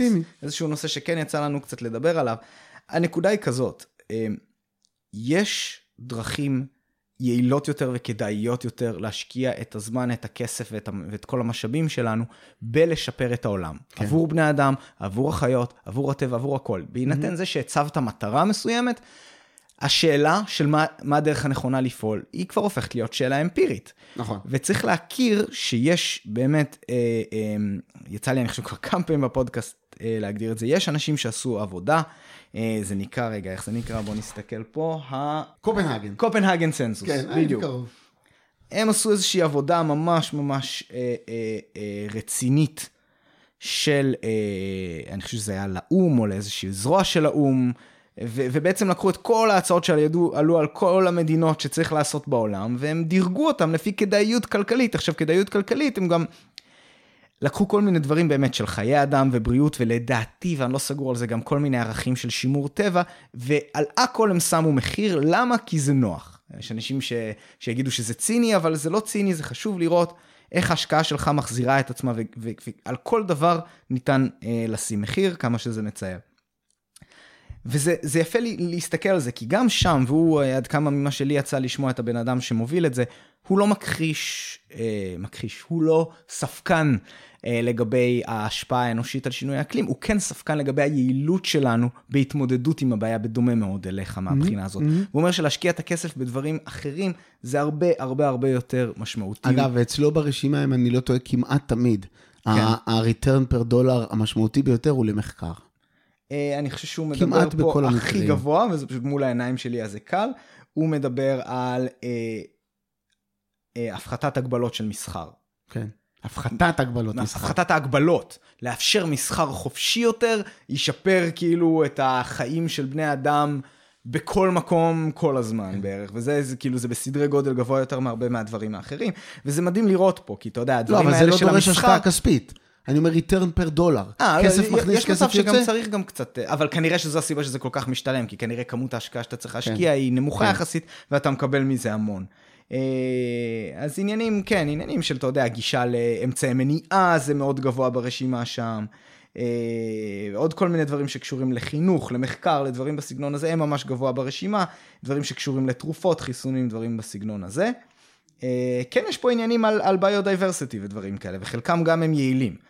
אז אני ממליץ לחפש את זה, אני שוב אפרסם לינק, אני חושב שכבר עשיתי את זה בעבר. אה, זה דבר שחשוב לדבר עליו, צריך לזכור בסופו של דבר, וזה אני כבר אתחיל להגיד אה, לקראת סיום, וזה מה שהיה לי קצת אה, מצער ב debate אתמול. אה, מרגיש לי שמהצד שלך, אתה יודע, מבחינתי, אם רק הוא היה מוכן לקבל את ההשפעה האנושית על ההתחממות הגלובלית, ואז שם את הטיעון שלו ב... אבל אנחנו מתמודדים עם זה בצורה מטומטמת ולא יעילה, זה היה הופך את זה לקל יותר. מהצד של אה, דני רבינוביץ', אם הוא רק היה אומר, כן, יש בעיה, אבל אנחנו מתמודדים עם זה בצורה מטומטמת, צריך ללכת על פתרונות אחרים, כמו פתרונות אה, אה, אה, גרעיניים, או אה, אה, של... של אה, אנרגיה גרעינית, או לחלופין הוא היה אומר, כן, זה מדאיג, אבל נגיד מדאיג אותי יותר הרבה הזיהום של אה, פלסטיקים באוקיינוס, כן. גם זה היה כאילו היה אפשר יותר למצוא את עמק השווה, מה שנקרא. כן. אה, וזה, שם בעיניי אני נמצא פחות או יותר, אתה מבין? וזה, בס... אז... וזה, וזה בסדר גמור, בגלל זה אה, אה, בדיבייט ראית איך התחלתי כמשנה סדורה. אמרתי, תראו, אני חושב שזה ככה, אני חושב שזה ככה. גם אם זה ככה, אין אה, עדות למשבר. גם אם יש משבר, אנחנו לא פותרים אותו בצורה הנכונה. כן. זאת אומרת, כל אחד מהשלבים האלה, יכול להיות שאני טועה. ואני גם אמרתי את זה, יכול להיות שאני טועה והפחמן הדו-חמצני הוא האויב הגדול ביותר. יכול להיות שאני טועה והאירועים האקלימיים כן מצביעים על המשבר, למרות שאני לא רואה את זה בסטטיסטיקה. Mm-hmm. גם אם שני הדברים האלה אני טועה בהם, עדיין האמירה היא, אנחנו תוקפים את הבעיה לא נכון. כן. ו...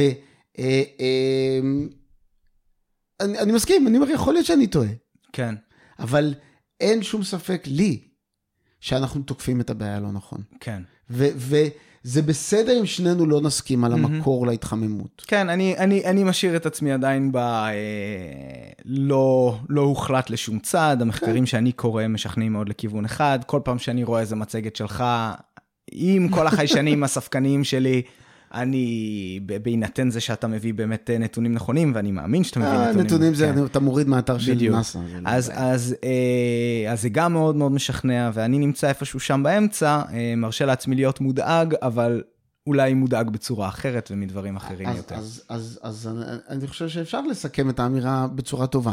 גם אם אני טועה, והפחמן הדו-חמצני הוא האויב הנורא של האנושות, mm-hmm. וגם אם אני טועה ואירועי האקלים משתגעים עלינו, עדיין הדרך שבה אנחנו נוקטים פעולה היא לא סבירה, כי אנחנו נוקטים פעולה על ידי זה שאנחנו מנסים אה, אה, להוריד את כמות הפחמן הדו-חמצני, שזה משהו שאמפירית אי אפשר לעשות. זה מה שמראים הנתונים, אי אפשר לעשות את זה. Mm-hmm. למרות שמנסים. כן. אז, אז, אז גם אם אתה לא מסכים איתי באופן קיצוני כן. לגבי המקור האקלימי, וגם אם אתה לא מסכים איתי באופן קיצוני לגבי העדויות לאסון, אה, אה, שם באמת אפשר למצוא עמק שווה. וזה כן. גם בסדר. כן. כי אז מתוך שלא לשמה, בא לשמה. אני, אני מאוד הייתי רוצה לראות את השיח משני הצדדים מגיע לכיוון הזה. מגיע לכיוון של איך אפשר לשפר את העתיד שלנו כבני אדם, וגם uh, לקחת בחשבון את העולם ואת הסביבה, בצורה שהיא uh, כדאית, כלכלית, אה, משאבית.